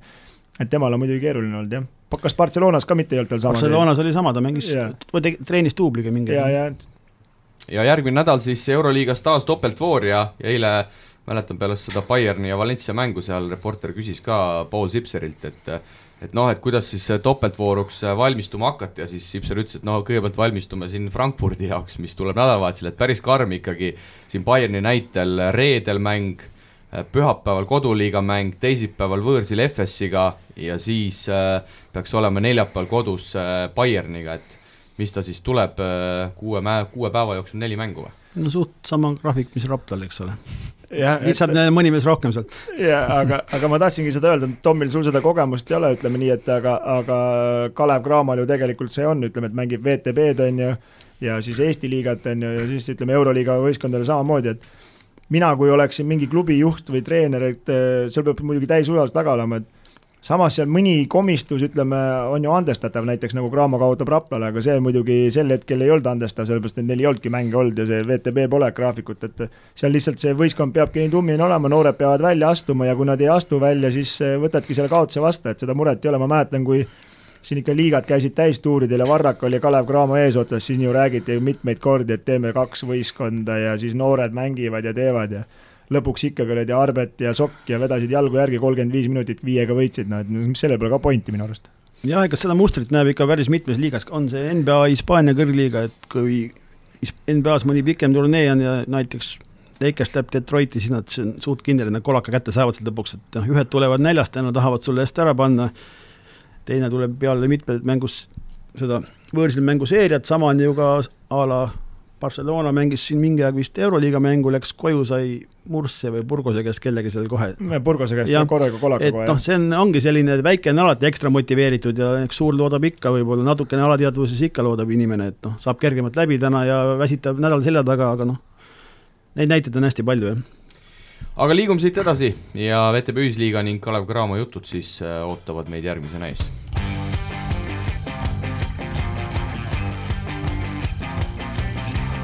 Nii, ja Kalev Cramo siis äh, VTB mäng peaks äh, olema siis lähinädalatel, aga räägime siis võib-olla veidi tagasivaatavalt veel selle nädala mängust Raplaga. Noh, nagu siin Tom ütles, tema teiste Eesti meeskondade tegemisi väga lahata ei taha, Kristo, meie võime julgelt rääkida, no mina seda mängu eile ka kommenteerisin, no seal ikkagi väga hapu on see asi, Kiin endiselt kaheksakümmend protsenti rünnakutest täristab selle palliga, sisuliselt seal enamik rünnakud lõhutakse lihtsalt ära, ei tehta neid, mulle tundub, neid liikumisi lõpunigi, teised mehed on ebakindlad, Kurvas pani seal ühel hetkel nurgast suhteliselt vabalt lausa juba üle korvi, et ikkagi jälle me tuleme sellesama vana plaadi juurde tagasi, et teistel meestel lihtsalt kindlus kaob ära, kui seda palli puutuda ei saa. No kui ma eile vaatasin, et kaks mängu on, et mängivad Rapla ja Cramo ja Tarvas ja TalTech, noh, seda ma arvasin, et Tarvas võidab aga, aga kui ma vaatasin Cramo ja TalTechi või, või vabandust, Cramo ja Rapla mängu nagu lõpptulemust, vaatan seitsekümmend kuus, seitsekümmend neli, mõtlesin, no mis seal nüüd jälle siis oli, noh. et see oli nagu üllatav, no ma ei tea, kui ise spordimehena kaks nädalat tagasi oled Rapla käest saanud pähe, eks, ja kõik äh, kiruvad sind, eks, ja siis äh, ma ei taha kuidagi Raplat alahinnata selles mõttes, et aga kui sa vaatad seda koosseisu, Ruubel seitseteist, kakskümmend minutit, siis äh, ma ei tea, isegi neid kõiki vendade nimesid ei tea, kui protokollist ei vaata, on ju, siis mõtled Kalev Cramo, Kiin, okei okay,, Lewis ei mänginud, kas see on mingi vabandus, et Lewisit ei olnud, no neil ei olnud ka ju ihringut, on ju, et üks-ühele nagu, on ju. et see nagu paneb nagu imestama ja täiesti masendavat äh, nagu tooni, ma mõtlen selles mõttes, mida me sinna VTV-sse lähme, et siis on ju raha raiskamine põhimõtteliselt. ja seda ma ütlesin seal ülekande jooksul ka välja, et et see on selline spordimehelik uhkus, ma leian juba, et et kui sa ikkagi kogu austuse juures taaskord, Tom, sinu ja su võistkonna vastu, kui sa ikkagi alamehitatud Raplalt saad äh, kahega sisse, siis peaks ikkagi olema selline, selline meelestatus järgmisel mängul, et äh, ma lähen ja sõidan sealt teerulliga üle ja ma küll, Tom, sulle enne mängu ei tahtnud öelda, aga nagu ma sulle peale mängu ütlesin, siis ma kartsin, et te teerulli alla ei jäta, aga no millegipärast ei jäänud. vist sulle eile mainisin ka korra seal enne mängu või? Et eile, kui bussi läksin Raplasse, siis tulid bussi, tulid veel Kardo ja Markus ja Tom ja Marek ja siis mõtlesin, me läheme nüüd suure bussiga Saku Suurhalli VTB Sassi vastu mängima, siis lihtsalt omaette muigasin, mõtlesin, et noh, oleks jah, tore, kui tõesti nüüd selle mutta ei tambitaks, et aga poisid olid väga tublid, kiidan nagu, kes pani tagant, kes tegi üks-üks seal, kõik toetasid, aitasid ja said aru, et ja uskusid ikkagi, et on võimalik võita, noh et mulle see nagu meeldib, et paned selle noore Kardoga, ta, ta ei lähe mingit kulpi lööma sinna VTB meestele, et mis iganes seal, mängis ühe väga super high-low olukorra seal läbi Mareksi, Mareki ja Robertsi ja noh, kõik see annab alati niisuguse ekstra, ekstra nagu tuhhi juurde meestele, kõigile. no ma just äh, ise olen nendes olukordades, ütleme, Kalev Cramo vastu olnud siin erinevate võistkondade, kes tugevam, kes nõrgem, et äh, aga mõtlengi, et sa istusid bussi, vaatasid Ruubel, siis Kardo, eks, küsisid, kas Saku Suures üldse ongi mehed käinud, on ju, et äh, et kunagi ma ise esimest korda Saku Suurhalli läksin, siis meil oli veel Vinni saal ja siis läksime sinna, siis vaatasime, kurat, korvi taga on sama palju ruumi, kui Vinni saal suur on, et see oli päris imelik visata, muidu oli sein vastas kogu aeg, on ju, et siis alguses läksid ikka pallist täitsa mööda, aga aga Kalev Cramo on ajaloos käkkinud kõvasti ära, et me isegi Valgaga võitsime neid ükskord äh, äh miinus kuusteist viimane veerandaeg ja võitsime viiega, aga aga mind nagu paneb imestama, et kuidas ei ole seda võtit, ütleme, kurbas, no ma ei tea, nagu Eesti mehi on ju ka küll, et ma ei tea, kas siis mina näiteks Stelmacheri asemel kasvataks Kiini ja paneks üldse väljakule või ma ei tea, et äkki on see mängupilt parem, okei okay,, Sten Sokku ka polnud, et see on muidugi järgmine murekoht, siis pole üldse mängukohta, aga üks mees Padarust ütles, et Martin Torbek on ka üks, et oleks võinud ju mängida. kusjuures Martinist rääkides, ega Martin selle asja meile ära otsustaski eile selle, et paar korda anti väga rumalat abi tema pealt nurgast, noh, oli teada, et ta lõppmatuseni sealt mööda ei viska, pani paar kolmest ja siis lõpus see läbimurre, väga raske vise, mis noh, mängu tulemus otsustas, et Martin oli küll väga tubli. jah, olen nõus, et värske papa, papa Torbek äh, seal otsustavatel hetkedel oli aktsioonis, aga kuidagi nagu nagu tundub, et ei toimi selle Kiiniga, aga Stelmachers nagu ei taha nagu muuta ka, mulle tundub, et ikkagi paneb sedasama rida edasi, kuigi on tegelikult näha, et ka siin Pahv liigas on sellisel viisil keeruline, et no... kui sa võtad, sest et no Hermetit, ma ei tea, kas oli üldse Hermet eile väljakul, ma ei näinud teda nagu üldse seal. kolm ma..., kolm punkti viskas küll ei, aga no selles suhtes, et nagu pildis või palli ei saanud, no täitsa kadunud no mees. ma juba vaatasin Astana mängus, et äh, Hermet on ju puhas niisugune mängija, kellel on vaja luua olukorrad, kolmes taha pall, paneb sisse, saab kindluse, aga kui ta jookseb sul viis-kuus minutit, paneb katteid, täpselt aru ei saa, siis vahepeal saab sinna pukki pikemate vasta midagi ära ei keera, et siis tema ongi nagu olematu roll on tal, et see on nagu tundub, et need rollide jaotused või nagu suunised nagu ei ole päris kindlad, no ja siis võtame selle lätlase Kaufmanni siin, no ma arvan, et see saaks Raekossuski väljakule, et meil seal on ka paremaid poisse vähemalt paremas vormis mehi, et no see on ju täiesti, ma ei, ma ei kujuta ette, mis selle ostu tagamõte on, tasuta tulles, kas võtaks, ei tea. ja nagu ma eile ka ülekande jooksul ütlesin, et minu meelest tegelikult Hermet äh, visuaalselt, füüsiliselt on äh, selgelt nagu sammu kuidagi edasi teinud, et mees näeb tunduvalt parem välja, kui ta, kui ta Tartu aastatel nägi, et et seda enam tekitab nagu küsimusi, et kuidas teda nagu ei kasutata, no Rauno tuli ka väljakule ka täitsa ebakindel, et seda on nagu igast äh, liigutusest nagu näha, et kuidagi, kuidagi ongi just nendelt Eesti meestelt on see see kindlus, kindlus ära võetud, et, et ma ei tea, kuidagi väga hapu on, et ei taha siin küll nagu kritiseerida lõpuks ikkagi meie Eesti, Eesti esiklubi ja tahaks, et ju VTB mängudes igal pool läheks hästi, aga samas ma ei, ma ei näe kuskilt praegu mitte ühtegi positiivset nooti. no ega ei näegi, et hetkel ma ei näe ei Kalev Cramo mängus muutust ega TalTechi mängus, et mõlemad on suhteliselt augus, kindlas augus, no TalTech mängib vähe madalamal tasemel, aga midagi ei tule ka, on ju. aga mul oli tegelikult Tomile üks küsimus, et ütleme nüüd siin kukuvad mehed ära, on ju, tuledki oma Kardo Kilk, on ju, Ruubel, eks ole, see on ju treeneri ülesanne neile süstida seda enesekindlust, et ei kardaks VTB mehi või see on nagu treeningprotsessis on kogu aeg sees, et tal see tapja instinkt oleks, et Cramo meestel me seda ei näe, et kas see on siis treeneri, treeneri ütleme siis äh,, treeneri tegemata töö, et meestel ei ole niisugust tapjat instinkti või no ma saan aru, sa ei taha teist treenerit, aga mõtlen, kuidas sina seda nagu korraldad, et need meestel kõigil, kes Raplal väljakul tulevad, võitlevad nii nagu oskavad, kõigi oskused võib-olla ei ole kõige paremad, aga üritavad ju endast parima anda alati. no ega see ongi, et olen, olen noori omajagu elus treeninud ja et seal on olnud ka ülimalt enesekindlad noori läbi aegade, aga suur osa noori ja just sellisel tasemel next step'i tegevaid noh, peale sa pead ikka toetama ja julgustama, et kui vaba oled, võtad ja paned ja sul ei ole midagi kaotada, võtad, lähed, kui ta tuleb agressiivselt peale, lähed üks-üks läbi, no see Ruubel eile paar korda näitas, et no usun, et noh, ka need sõnad natuke, just noori kindlasti nagu võtavad mingi pinge maha, et noh, tead, et kui ma nüüd panen ka mööda, ega ma kohe pingile no minu jaoks nagu ongi hämmastav nagu see, et üldse nagu Eesti liigas, ma ei mõtle ükskõik mis võistkonnast võtta mingi mees, on ju, kes mängib, on ju, no mida on karta eksida, noh? Ütle mul, mida saab hullemaks minna, kui sa lähed viis minutit, hiilid ära seal väljakul, ühtegi viset ei võta, ühtegi palli ei kaota, aga lase endale kuradi kümme punkti panna, no tee siis viga või mida iganes, et selles mõttes eksida, aga see ongi treeneri sõnum, vaata, ma tean, hästi palju on mehi ka vaata siukseid, et kes kardavad eksida, et äkki võetakse mängust välja, noh. mängust võetakse nagunii välja, sellepärast et kui sa mitte midagi ei tee, siis sust nagu annadki seal oma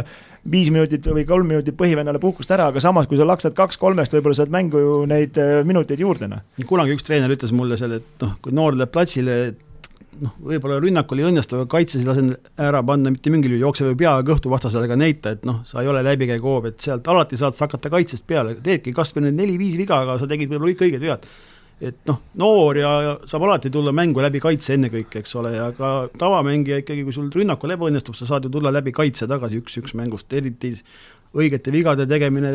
kõik sellised asjad. no ma ei ole ühtegi treenerit küll näinud no,, muidugi ühte olen kadunud, Allan Torbek,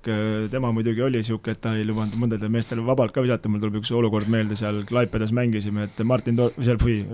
Karl-Peeter Torbekuga istusime pingil kolmkümmend viis minutit, vahe oli vist mingi kakskümmend äkki pani mängu, Karl-Peeter Torbek oli üksi vaba, viskas peale, pani mööda, sai laua, vend võttis time-out'i, kes sul peal lubas visata, ma olin vaba, mis siis noh. aga ma mõtlengi, et me ei ole ju niisugust treenerit, kui meeskond mängib, söödab, teeb, sa oled vaba, võtad viski, okei okay,, kui sa hakkad kohe üksi punnima terve rünnaku ja paned peale ja ära ei pane, noh, isegi kui sa ära paned, see ei ole hea lahendus selles mõttes, et teised ei ole ju saanud seda noh, ütleme palli katsuda, on ju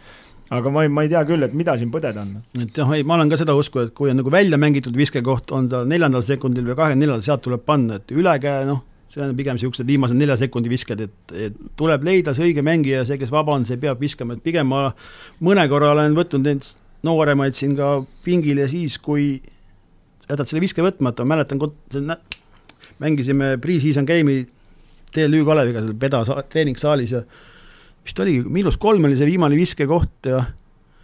ja Gregor, kes meil nagu on reaalselt satsi parim viskaja, jättis viskamata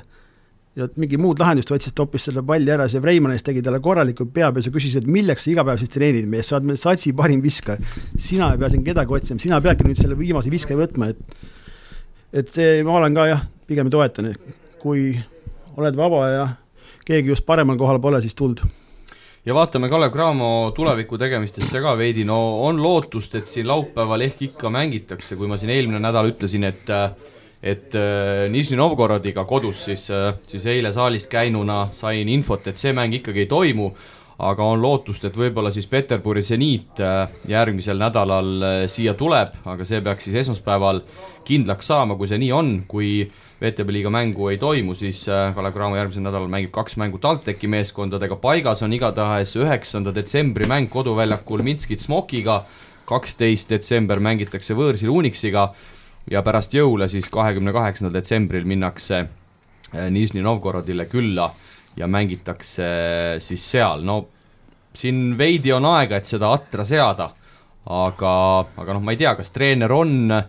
on nüüd võimeline seda asja muutma, et kas, kas Telmahers, kes on näidanud, et tema mäng kõikides klubides, kus ta on olnud, käib läbi, läbi selle tagumise mehe hästi palju, oli ju Vinales, tal oli Poolas sama käekiri, tal oli Ventspilsis sama käekiri et kas ta nüüd on võimeline seda muutma ja neid teisi mehi ka rohkem mängu tooma? No pigem on see küsimus, et kuidas ta suudab teistele serveerida selle, et nende enesekindlus täitsa ära ei kaoks ja, ja, ja nemad ka nagu mängu tagasi tuua, et see, see ei ole mingi probleem, et see Vinales võtab kakskümmend viset, no ja aga kui teised saavad sel ajal ka, see mäng peab niivõrd kiire olema, aga ta ju longib mingitel hetkedel ja ta tuleb rahulikult üle ja siis on neliteist sekundit ja siis mängib piker rolli ja siis on seitse sekundit ja siis paneb sulle nurka, siis ei olegi muud teha, neela pall alla või pane peale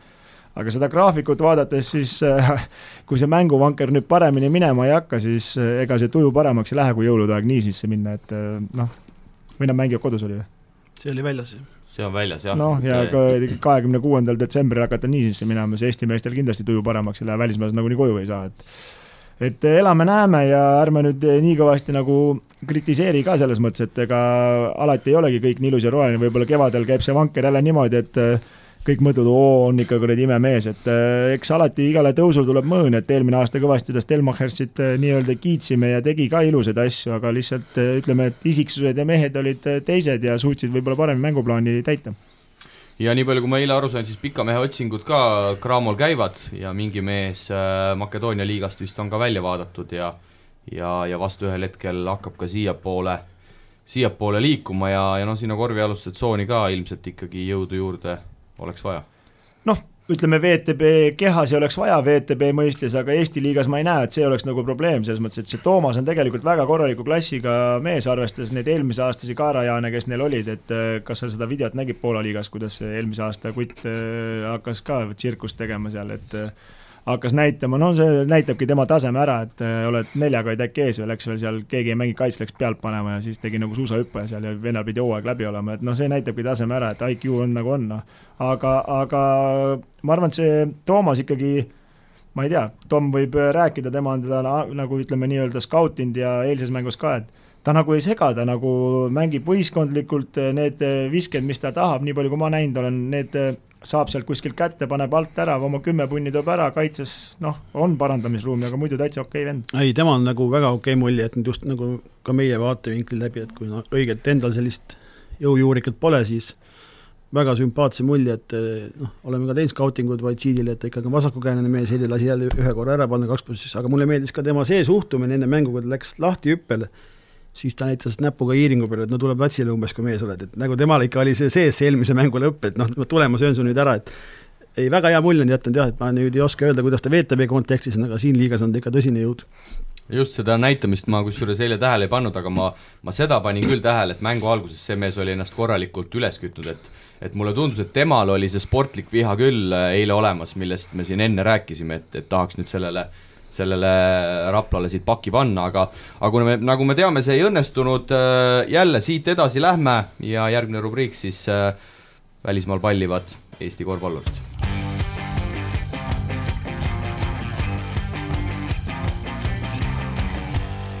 ja Eesti koondise mull on siis ka äh, varsti tulemas ja, ja kahekümne kolmandal novembril peaks siis kõik koondised siia, siia Eestisse mulli tulema. Räägime põgusalt siis nendest mängudest, mis äh, Eesti meeste osavõtul välismaal aset leidnud on ja ja täna võiks siis pikemalt peatuda Rumeenia meeste tegemistel. Ja Rumeenias, äh, nagu me siin eelmises saates ka rääkisime, pandi siis karikavõistlused käima, aga kahjuks äh, meie meeste Laane ja, ja Raadiku klubil Merku Real seal ülemäära hästi ei lähe ja ja sisuliselt siis kõik neli mängu, mis seal viieses karika alagrupis peeti, äh, kaotati, no Laane oli eelmine aasta, Tom, äh, sinu juures Raplas, et äh, et oled sa Raiduga suhelnud, kuidas neil seal on ja, ja kõik muud jutud? Raidoga otse pole isa Jüriga ikka oleme suhtlenud, ta saatis mulle ka mingi mänguvideo, aga noh, paraku on see ajaga on nagu on, ei jõudnud väga pilku peale visata, et olen nagu nende tegemistega kursis, Jüri ikka käib Raplas ja räägib, et kuidas neil see koroonaga seis seal oli ja suht keeruline olukord kogu klubis ja et see on nagu väga tore, et nad nüüd mängima lõpuks said hakata ja vist panevad siin suht iga päev nüüd, et et noh, loodame, et see rünnakuvanker läheb ka vähe paremini käima ja aga ma vaatasin jah, et seal sisuliselt seitsme mehega vähemalt see viimane mäng Constanta vastu eile mängiti, mis siis kaotati seitsekümmend kuus, kaheksakümmend viis. Ja seal läks vähe lõbusamaks, Laane kahekümne üheksa minutiga kümme punkti, neli sööt, Raadi, neli söötu, Raadiks siis kuueteistkümne minutiga jäi kahe punkti ja ja nelja laua peale, aga no seal üks mäng äh, ikka täitsa, täitsa ebaõnnestus, kui, kui teisipäeval Craiova vastu kaotati kahekümne kaheksaga ja ja kumbki mees siis ei Laane kahekümne ühe minutiga ega Raadik kaheteistkümne minutiga ei saanud äh, äh kätt valgeks, et, et tundub, et äh, Draakul maal Kristo asjad praegu kõige paremini ei suju.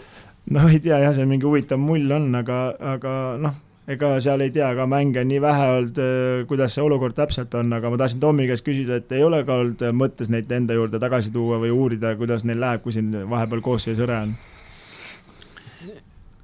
Pean ütlema, et ei, me ikkagi oleme otsustanud, et on need mehed, kes me oleme palganud või kutsunud siia ja proovime nendega ikka lõpuni minna, et noh, lihtsalt see pikk mängija, ma ei leida selline tõsine juurikas, et tagaliin, noh, loodame ikkagi, et saab see Gregor hakata ka trennis käima ja mängudel ja Maarjo taastub ja Tom tuleb veel rohkem sisse nagu rotatsiooni ja noored aitavad, et eh, mina treenerina läks selle seltskonnaga edasi aga aga Raiduga, nagu ma aru sain, vist juttu teil ikkagi suvel oli? jaa, ei me ikkagi tahtsime teda tagasi, aga Raidul oli minu arusaamist mööda kindel soov ikkagi ennast välismaale proovile panna, et ma ei oska öelda selle klubi ega liiga taset, aga noh, selle võimaluse ta hetkel nüüd sai ja aga meie kindlasti nägime tagasi kutsuda, kuna tegemist on ülimalt intelligentse ja targa mängujuhiga. ja pealekauba veel kohalik kutt ka, aga, aga, aga, aga nagu noh, sa ütlesid, et äh, mina nagu mõtlen, et mis sinu arvamus on, et kas sa nagu läheksid eestlasena välismaale nii kergelt, nii raskel ajal, nagu see koroona on, no ütleme, ma ei tea, Rumeenia liiga mitte midagi ütlev, nüüd tulemusi vaadates mingi suvaline klubi ja Rumeeniat võttes siis äh, ikkagi hetkel seal olukord väga karm ja kuidas see liiga või mis seal üldse toimuma hakkab, võib-olla niisama raiskavad aasta ära? enne kui Rait läks vist paar päeva enne seda me Raplas jõusaalis korra kohtusime, noh siis ta oli nagu optimistlik, et eh, saavad sinna ja kõik nagu sujub, aga nad said nüüd mängima hakata siis alles novembri keskpaigas, et ei oska öelda, et nagu inimesel on eesmärk ennast väljas proovile panna ja siis tuleb mõnikord mingeid riske võtta, eks siis tagantjärgi saab teada, kas see oli õige või vale otsus. no ma just ei mõtlegi seda, ma mõtlen nagu kui sa ise näiteks oleksid, ma ei tea, treeneri rollis näiteks äh, kutsutakse sind äh, kuskile Rumeeniasse, sul on Raplas pakkumine laual, kutsutakse, ma ei tea, Rumeeniasse, Slovakkiasse või mitte midagi ütlevasse liigasse, kas sa nagu läheksid? ei, mina jääksin Raplasse. jah, et ma mõtlengi nagu seda lihtsalt, et okei okay,, kui sind kutsutakse Ritasesse nagu kutsuti Kitsingut, no teine asi, pass kaasa ja minema, on ju, pole probleemi, on ju aga, aga ma mõtlen lihtsalt nagu mitte midagi ütlevatesse liigadesse, aga noh, eks elu näitab, kas see oli hea või halb otsus, ega halvad otsused tuleb ka alla neelata ja noored kutid saavad edasi panna ja koondise mullist ka siis rääkides, Tom, teie võistkonnast ka üks mees koondise kandidaatide ringi mahtus, Simon Sutt ja, ja vaatasin, et eile pärast äh, Craamoga peetud mängu peatreener Toiala temaga ka vestles, on sul infot, kas Simon, Simon äh, mahub lõppvalikusse ka, ma usun, et äh, seda infot mul pole, et noh, laagrisse ta läheb jah, eks ta peab ennast seal samamoodi tõestama ja olema, jätkama sama enesekindlalt ja ka ütleks loovalt ja julgelt, et ma näen küll, et kahemeetrine tagamängija, kes suudab visata mõistab mängu hästi, kaitses loeb olukordi, et lihtsalt sellist mõnusat, mõnusat nagu energiat ja julgust veel rohkem ka koondises ja miks mitte. aga mulli ta väga loodan, et, et mulli ta minemas on, et, äh, et siin, kui siin Laanega näiteks rääkisin, siis Laane ütles, et et Toiala pidavat nende karikamängude pealt äh, vaatama, et selles suhtes Simon on, on minemas igal juhul. jaa, loomulikult, Simon läheb ja läheb, Maarjo läheb Slovakkia koondise et äh, kas selle mulliga ju naljakas olema, et äh, keda ja kui palju üldse lubatakse, et ega see on ka ju suur küsimärk. no eile Jukaga sai seal ka peale kohtumist räägitud, ega olukord on suht kriitiline, nagu ma sain tema meeleoludest aru, et et äh, just selles korvialuses tsoonis, et, et ei ole väga, väga nagu kõiki kohale tulemas, et et ei ole nagu lihtne olukord treeneri jaoks. jah, rääkisin siin paar päeva tagasi ka Siim-Sener Venega ja, ja sealt ikkagi tuli küll info, et äh, Siim ilmselt tulemas ei ole, et ei treeni veel meeskonnaga, ei jookse endiselt ja ja eks see, eks see väga nii-öelda riskeeriv äh, samm ka, samm ka oleks ja, ja ega me ei tea ju, noh, nagu ma ütlesin, Baskonia ei pidavat üldse korvpalliliidule vastama, olgugi et Raieste seal, seal mängida ei saa, noh ma loodan ikkagi, et Kristjan Kitsing vast, vast tuleb Leedust.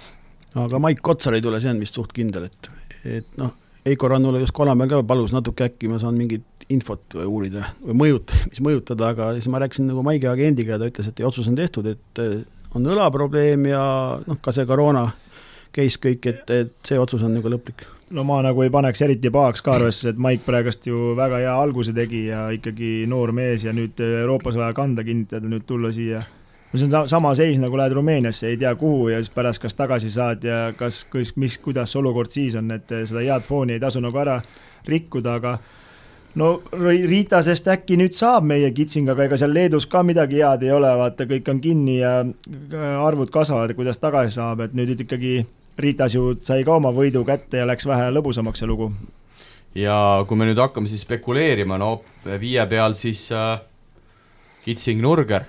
ja ma ei tea, mis seis muidugi Treieriga on, kas Tom, sul selle koha pealt on, on mingit informatsiooni? ei ole üldse kursis. ja, ja Ritas, nagu Kristo ütles, siis teisipäeval Strasbourgi võideti võõrsil viiega,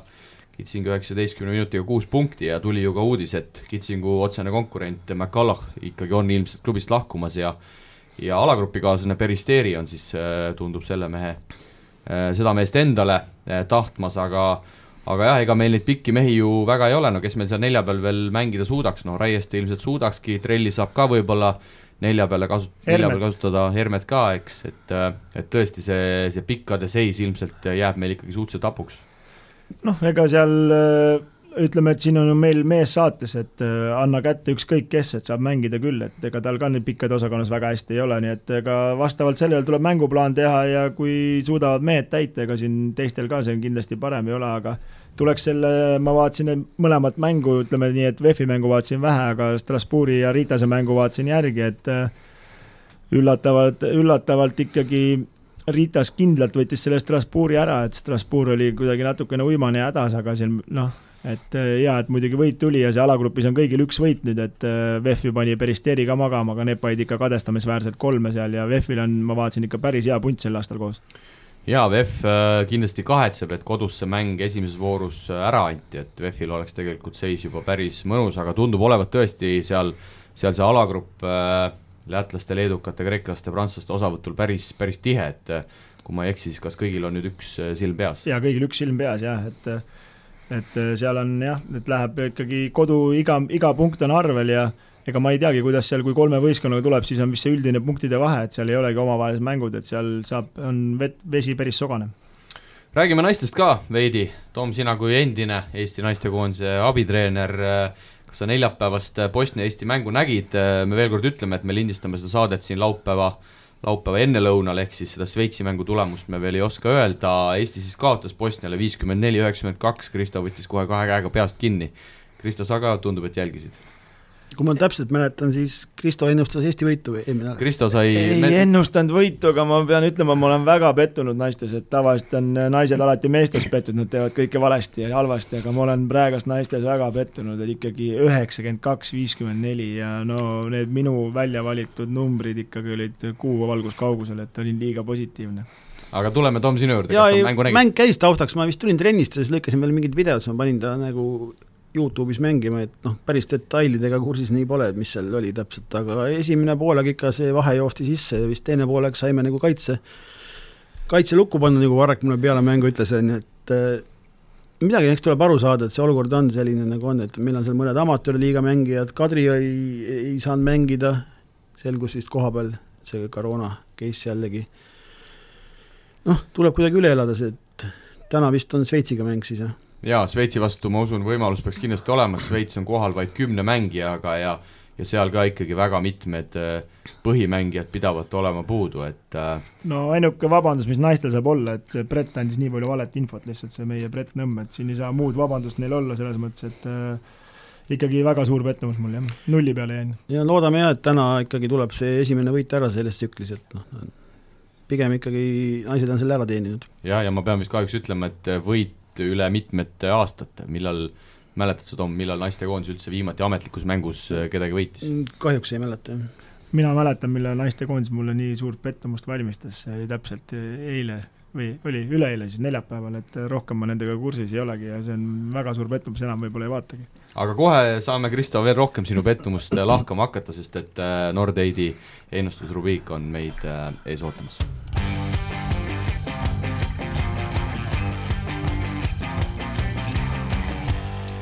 Ja sellenädalases ennustusrubriigis siis, nagu just rääkisime, Bosnia-Eesti mäng ja ja veidi siis ka statistikat, nii palju ütlen kohe ära, et Kristo jälle nulli peal kaks nädalat järjest. kuuskümmend neli protsenti vastanutest pakkus siis, et Eesti ei saa kuuskümmend viis punkti täis ja lõpuks siis viiskümmend neli vaid, vaid tuli kokku. Ja ja teine küsimus siis, palju viskab Merike Anderson punkte, viskas viis,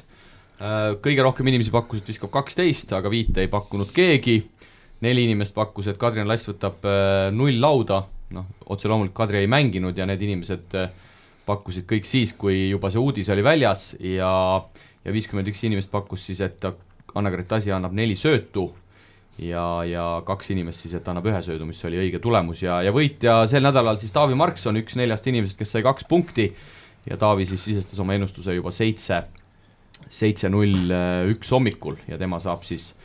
Nordeidi vitamiinikomplekti ja Taavi on meiega juba ka ühendust äh, võtnud, Kristo, sa tahad midagi öelda? ja sa, sina kui peakohtunik, et kas siis need mängijad, kes pärast, kui sa tead, et Kadri Lass ei mängi null lauda, vaid said punkti või? Muidugi, sest et äh, Aa, mida see... varem sa saad ju, pane ennust, sa tead ju meie reeglit, kui on võrdne arv punkte, siis saab see, kes varem pani, ehk siis okay,, okay. ehk siis see on taktikamäng. ja mis siit välja tuli, siis kuuskümmend viis protsenti pooldajaid äh, on, äh, ennustajad on siis sinuga ühel arvamusel, et jah, jah, kuuskümmend viis alla ja kuuskümmend neli alla oli viis. kuuskümmend viis alla. ja et ja minu, minuga paadis on siis kolmkümmend viis, kes ikkagi on, usuvad Eesti naiste koondisesse, aga nüüd on pettunud. just, aga lõpuks mäng käib võidu peale, nii et äh, ja Martin Milling on siis endiselt liider, ainuliider neljateistkümne punktiga, tema sai punkti juurde ja Milling peaks ju olema Rapla mees, Tom, eks? on Rapla mees ja juba tema abikaasa Kaia käest küsisin, et et Martin juhib sulle ennustust ja siis nad selle naiste osa nad tegid koos, kuna Kaia on ka seal väga pädev, et ta ütles ka, et andis seal oma nõuanne Martinile vist nagu jaa, Martin oli ka, Martin oli ka pessimistide leeris ja võttis punkti erinevalt Kristo sinust et äh, tundub, et Raplas ikkagi neid äh, asja, asjatundjaid on kõvasti, jah? jaa, nii et äh, meil siin mõned nädalad on jäänud, ligi viis-kuus nädalat ennustust ja siis esikolmikule üldseisus anname suuremad äh, toidulisandite varud ka, nii et hoidke, hoidke kätt pulsil, aga uus nädalamäng ja läheb intrigeerivaks, laupäevane telemäng, kahekümne esimesel novembril Tallinna Kalev, Tallinna Ülikool, Rapla Avis Utilitas. ja nüüd me paneme su, Tom, küll väga, väga mürgisesse seisu ehk siis ja, me hakkame sult ennustusi sa ei, sa ei pane ainult mitte Tommi mürgist seisu, vaid sa paned meid ka, kuidas me Tallinna Kalevit pakume, kui Tom on saates. No,. Tom pani praegu kohe prillid ette ja vaatas, et mis siin toimub, et kas, kas see on mingi aprillinali, ei ole, nii et äh, neli, neli küsimust taas ja ja hakkame siis siit järjest võtma, kumb meeskond äh, võidab mängu, kellel me kas siis võib, kas siis võib vastata, kui Tom ära läheb? Ei, Kristo alusta siis, kumb meeskond võidab mängu nüüd on küsimusi palju selles mängus, kas Kalle Klandorf on jätkuvalt peatreener või tuleb Martin Müürsepp või nii edasi, aga kas Ihring mängib? ma arvan, et mängib, äh, ma pean ikkagi Rapla ütlema. nii, Tom? pakun samuti Rapla võitu, et ma nüüd küll, küll ei tea, kes mängivad, aga et need no., kes olemas on, ma usun, nad toovad selle võidu ära. ma arvan, et me oleks esi, esi, Delfi esilehel, kui Tom oleks praegust öelnud, et äh, ma arvan, et Tallinna Kalev võidab. mis toimub, Rapla treener arvab, Tallinna Kalev võidab, mis siin jälle lahti on? Rapla peatreener ei usu oma mängijatesse kolm müüumärki. Rapla peatreener usub väga oma mängijatesse, isegi rohkem, kui nad ise usuvad nii, aga mina ka äh, ütlen Rapla, sest Rapla siin selle eilse mängu taustal ma usun, et kui Iring on ka tagasi, siis tundub, et selles meeskonnas äh, sisu on mitme punktiga äh,, võidab võitev meeskond mängu, siin äh, ma lasen Tomil alustada, et mis sa arvad, palju ka siis äh, Tallinna Kalevi kotti panete, nagu sa arvasid? pakun nelja punktiga. nii, mina tulen siit seitsmega mängu ja saage ohohoo, palju see eelmine mäng jäi kindlalt mingi sul kuuega. on jälle eeltöö tegemata. kuuega, kuuega, kuuega mängivad Tallinnas, tuleb ähm, Sõles mm,. üheksa. üheksa, selge äh,. kolmas küsimus, mina alustan, milline mängija teenib kohtumises enim mänguminuteid?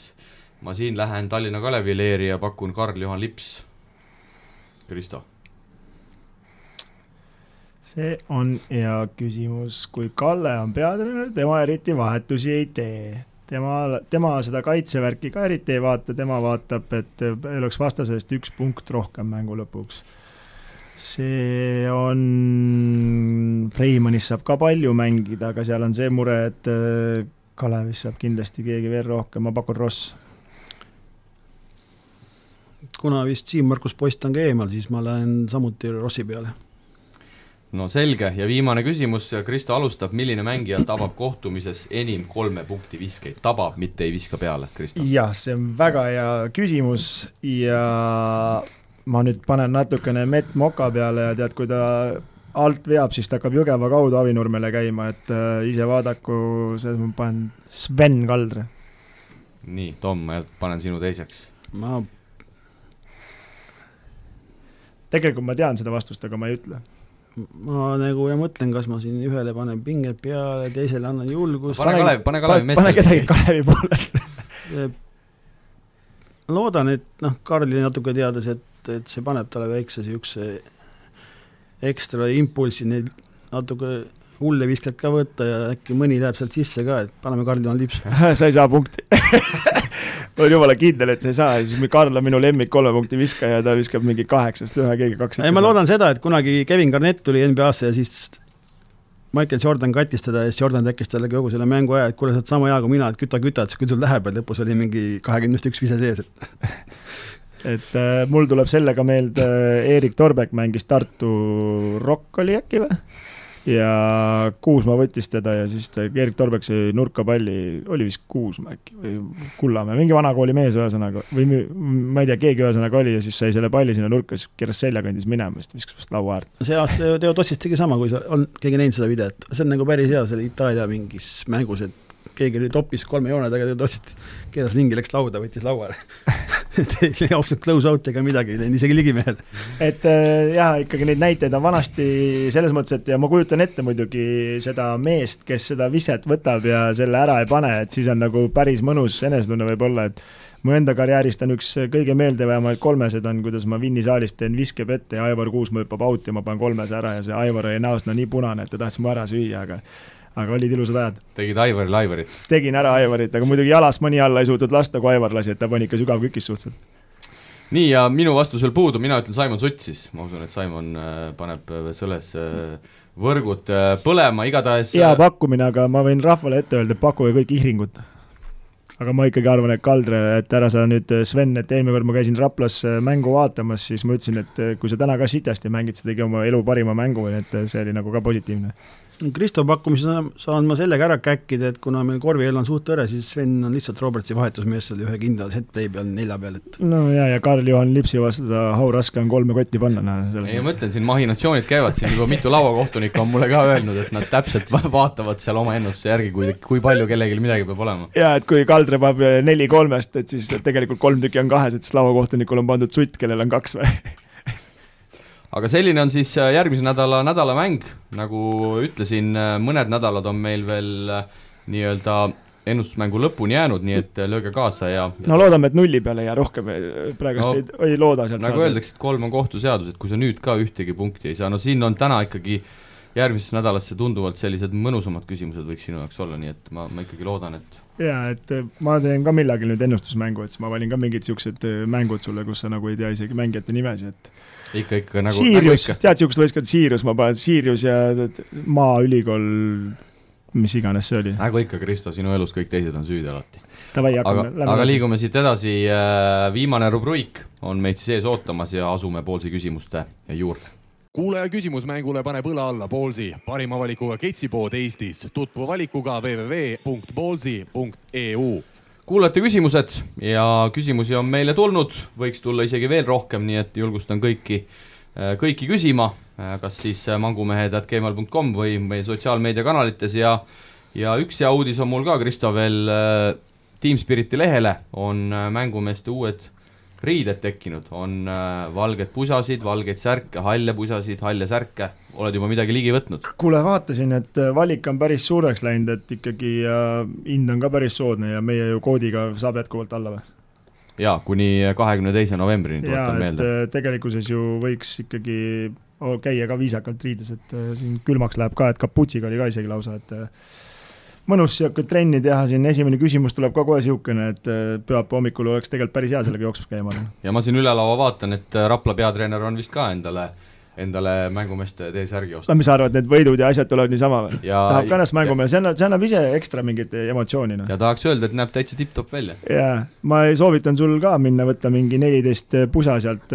noh, enda raha eest muidugi ja TalTechi meestele selga panna, et võib-olla hakkavad ka midagi näitama, et seal see enesekindlus ju, meie käisime esiliigat ka mängimas, et seal noh, ka käkkisid ka ära, et ikka niisugust venda on vaja, kes sisse viskab. tere, küsib Ott Äh, mul tekkis veel üks küsimus, kui professionaalsed on teie arvates Eesti korvpallurid toitumise ja lisatrenni tegemise osas võrreldes näiteks Euroliiga tasemel meestega? mäletan, et Andres Sõber ütles kunagi, et kui Saage käiks pühapäeva hommikuti jooksmas, siis ta mängiks Euroliigas, huvitav. võiksite ehk arutleda, kui palju võib individuaalne lisatrenn või õige toitumine mõjutada mängija kiirust, enesekindlust ja muid mängu nüansse? ma, Tom, annaks sulle siit kohe treenerina esimese sõna ma usun, et tegelikult iga näide on nii erinev, et noh, ma ei usu, et seda, et kui Risto nüüd iga hommikul oleks jooksnud mingi kümme kilti, et see oleks teda Euroliigas aidanud, et eh, pigem oleks siis võib-olla mingid Loskutovi rekordid üle jooksnud lõpuks siin Eestis, aga et see on hästi erinev, et ei, me ei saa ju nüüd öelda, et ka Euroliigas käib jube individuaalne, et neid mängijaid on, olen ise näinud, on äärmusest äärmus, on, olen kuulnud ka teistelt treeneritelt, on ka tippklubides täitsa erinevad vennad, mõned elavadki saalis, samal meil on Freimanist vabal päeval ka neli tundi nikerdab Sadolini jõusaalis, et on nagu, on meil noori olnud ka Rapla kogemust, et noh, Gregorit, Marekit ma olen saanud ise nendega väga palju saalis käia, et on tehtud ekstra peale, et see aasta natuke on keerulisem sellega, noh kuna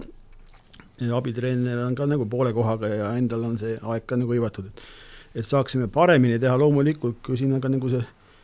toitumise osa, siis noh, mulle kohe meenub nagu ma ei käinud temaga palju koos söömas, aga Eerik Keedus vist on minu teada selline mees, kes jälgib väga täpselt joogisedelit, toidusedelit ja on hästi professionaalne.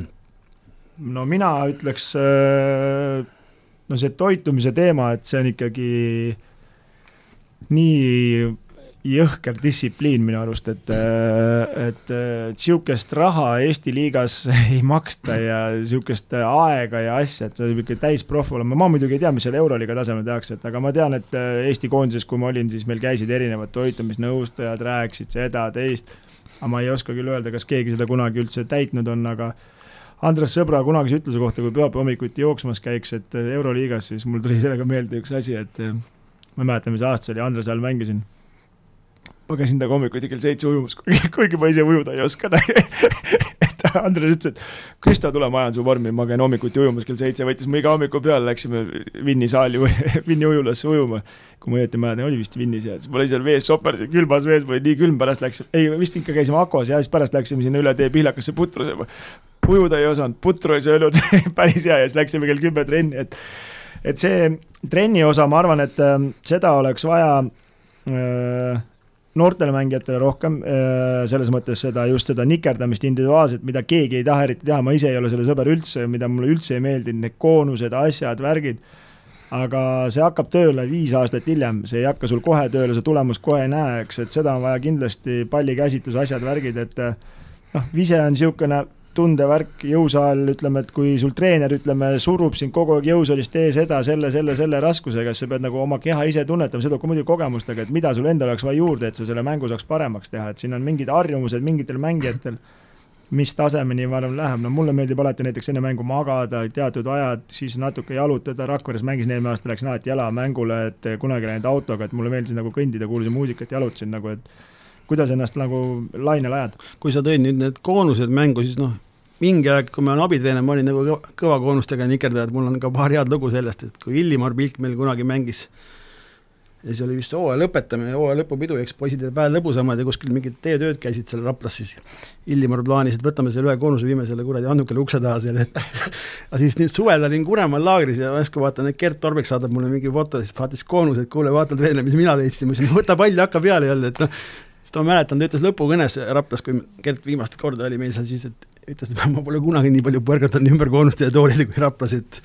aga ei, ta oli tubli ja ta, talle ka pigem, noh, ma ei oska öelda, kas meeldis, aga ta tegi neid hästi ja ta ütles ka, et ikkagi noh, noortele on see kindlasti vajalik, et äh, ilmselgelt noh, Reimannisel ma ei hakka nüüd õpetama mingeid Podiroga move'e selleks, et kuule, võtame nüüd sellega juurde enne Tallinna Kalevi mängu, et aga noortele ma ikkagi pooldan, et see on selline väga suur osa treeningust, et kuni selle mis iganes juuniori ea lõpuni, et siis ikka annab väga palju omandada ja noh, on ka erinevad näited või lugusid, kuidas siin mõned NBA mehed veel kolmekümne viie aastat õpivad uusi move'e juurde, et eks see on alati mehe enda tahtmisest kinni, aga noh, treeneri asi on seda kindlasti soosida, ma olen nagu päris palju kuulnud ka mõne Eesti treeneri käest, et et see ei viitsi individuaalselt teha ja see ei viitsi individuaalselt teha, et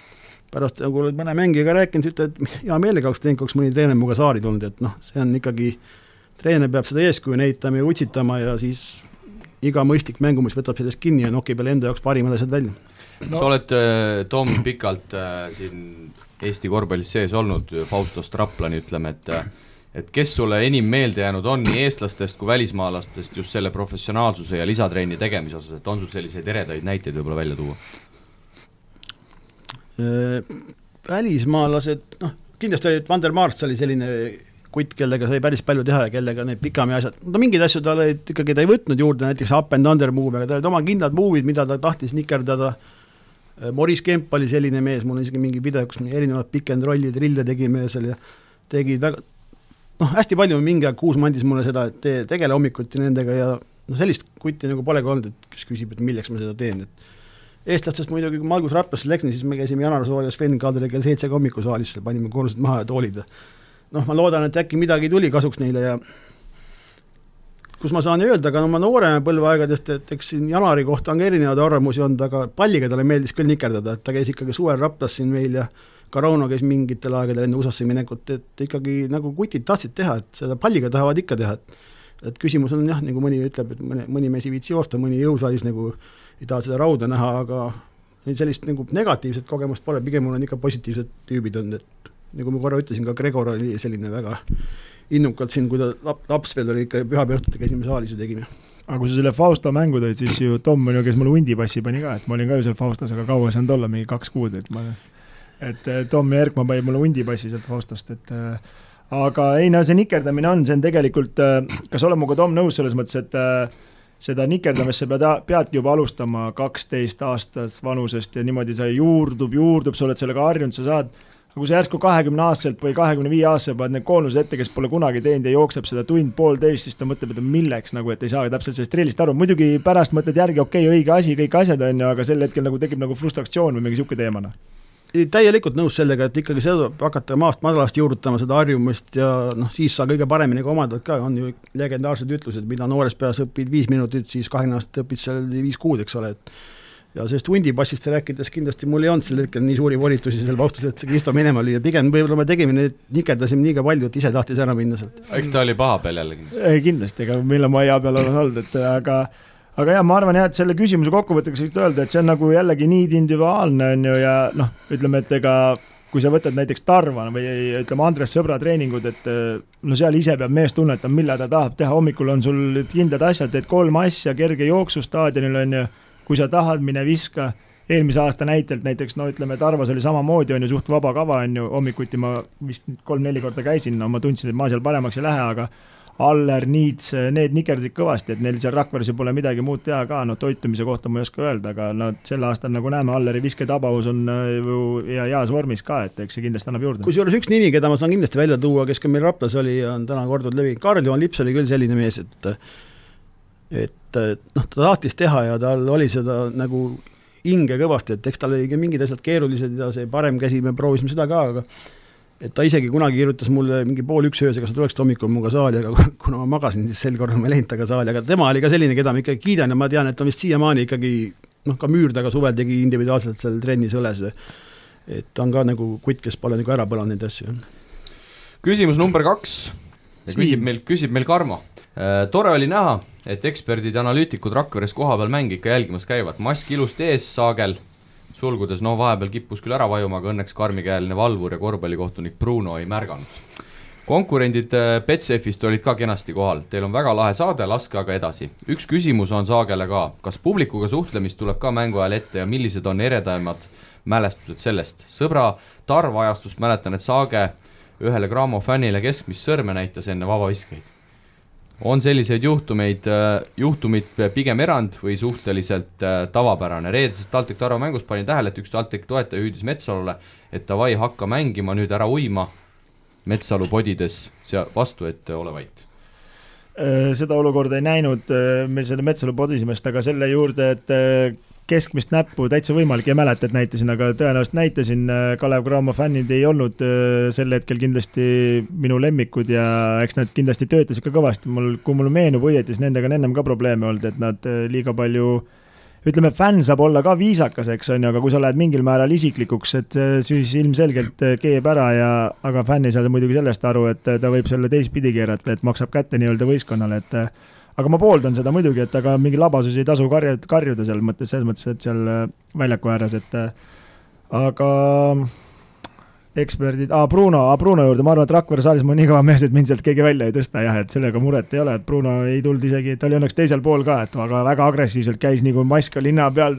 see noh, kui seda, sa seda Brunot ei tunne, aga kui sa maakonnamängus selle venna vilet näed, siis teinekord valesti vaatad talle otsa, siis ta saab saalist minema, et see on päris hull vend. ja lugupeetud kohtunik Brunost rääkides, ma, kuna ma nüüd juhendan ka Rapla U kaheksateist poisse ja kaks nädalat tagasi mängisime juuris Umbrasko vastu Rakveres ja siis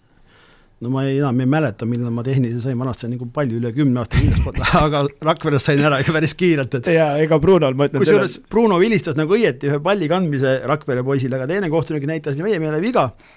siis ma seal natuke küsisin, natuke noh, ründavalt, mitte midagi alustavat teise kohtuniku suunas, aga me ei jõudnud lauset lõpuni, kui juba oli mul tehniline nina. jaa, Brunol on väga lühike sütiknöör, et seal sel aastal isegi politseiga viidi üks mees minema, sest tal oli vale gaasimask, et seal meil üks ultrafänn, kes karjub ka väga kõvasti seal ja tervitame Basani siit, et aga nüüd ma ei tea, kas ta saabki mängudel käia enam, aga jah, see mask ei sobinud, aga aga mis puutub sellesse publikuga suhtlemisesse, noh, sel ajal, kui ma olin lihtne korvpallifänn, siis mul on siiamaani silme ees nagu kahe hea tuttava nagu Action Tartus, et kui see Tartu delta hakkas tõusma ja siis no ma ei oska öeldagi, kas, kumb see nüüd rohkem nagu ägedam oli, niisugune ikkagi tõsine vastasseis publikuga oli see, kui Aivar Kuusmaale visati pudel nagu veepudel tribüüni pealt, aga ega ta ei olnud ka kidepeen, võttis pudeli ja keevitas tagasi publikusse. aga noh, mu hea sõber Andre Pärn ikkagi vist trumpab kõiki üle siin, et oli ka seal mingi Kalevi ja Tartu vastasseisud, kui see vana spordijoon oli täiesti kummis ja eks nad ikka Cramo ta ei olnud Cramo siis, Tallinna Kalev, sorry.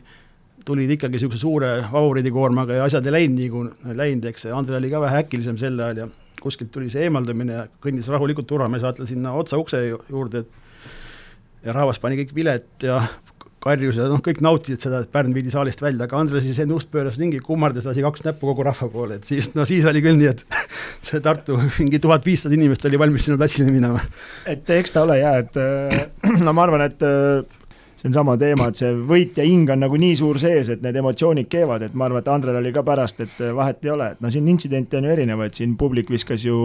Rakveres visati ju tossuga seal Gert Torbeckiga ja, ja seal ja, mingid ja. teemad ja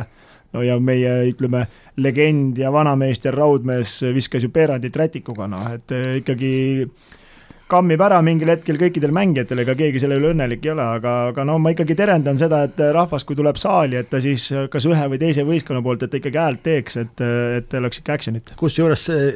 seesama Gerd, Gerdile visati jah, mingi saabas või mm -hmm. kets või, see oli kusjuures Sven Kaldri esimene mäng Rakveres ja siis läks mingi madinaks Sven oli kui esimesena kõige suuremat meest mingi tõukamas seal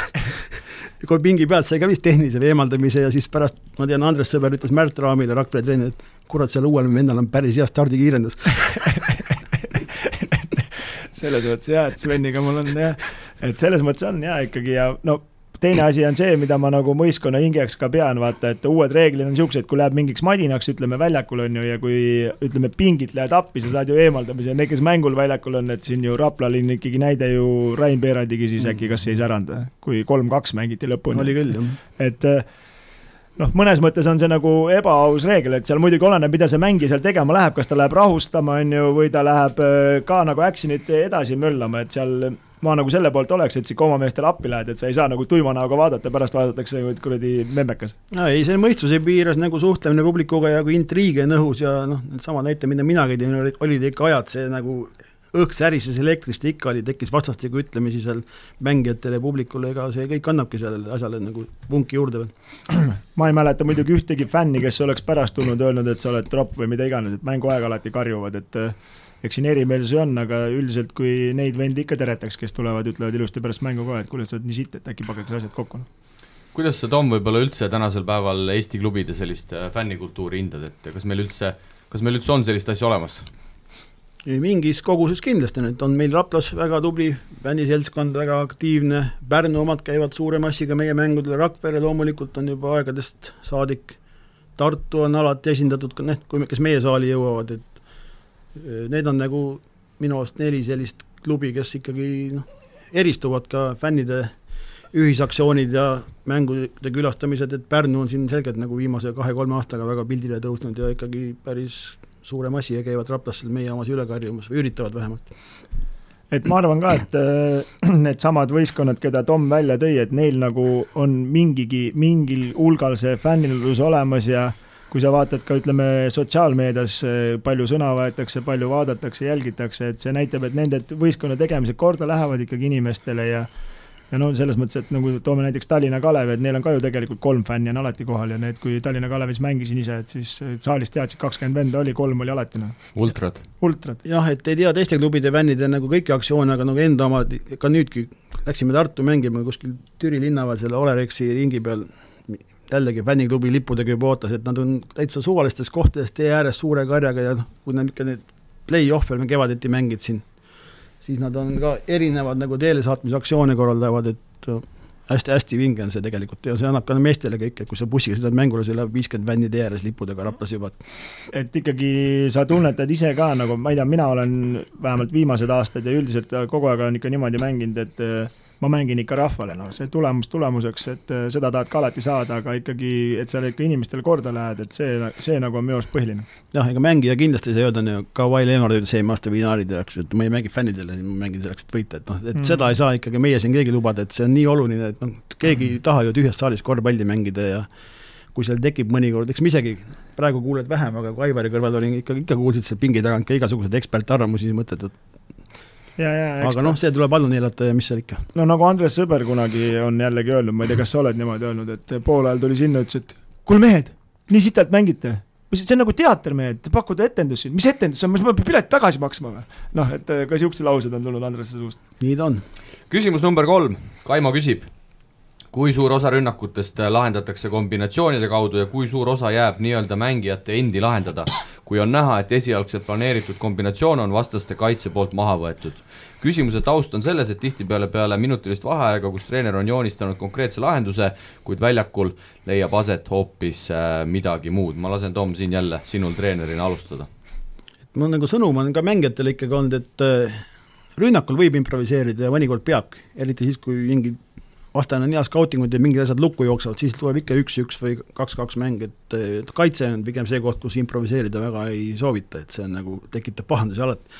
et rünnakul ikkagi ei saa panna, noh, vähemalt minu filosoofia on, et sa ei pane kõiki raamidesse, on mingid set-play'd, mingid kindlalt meeste peale, mingid stagger'id viskajatele või korvi alla kellelegi special play'd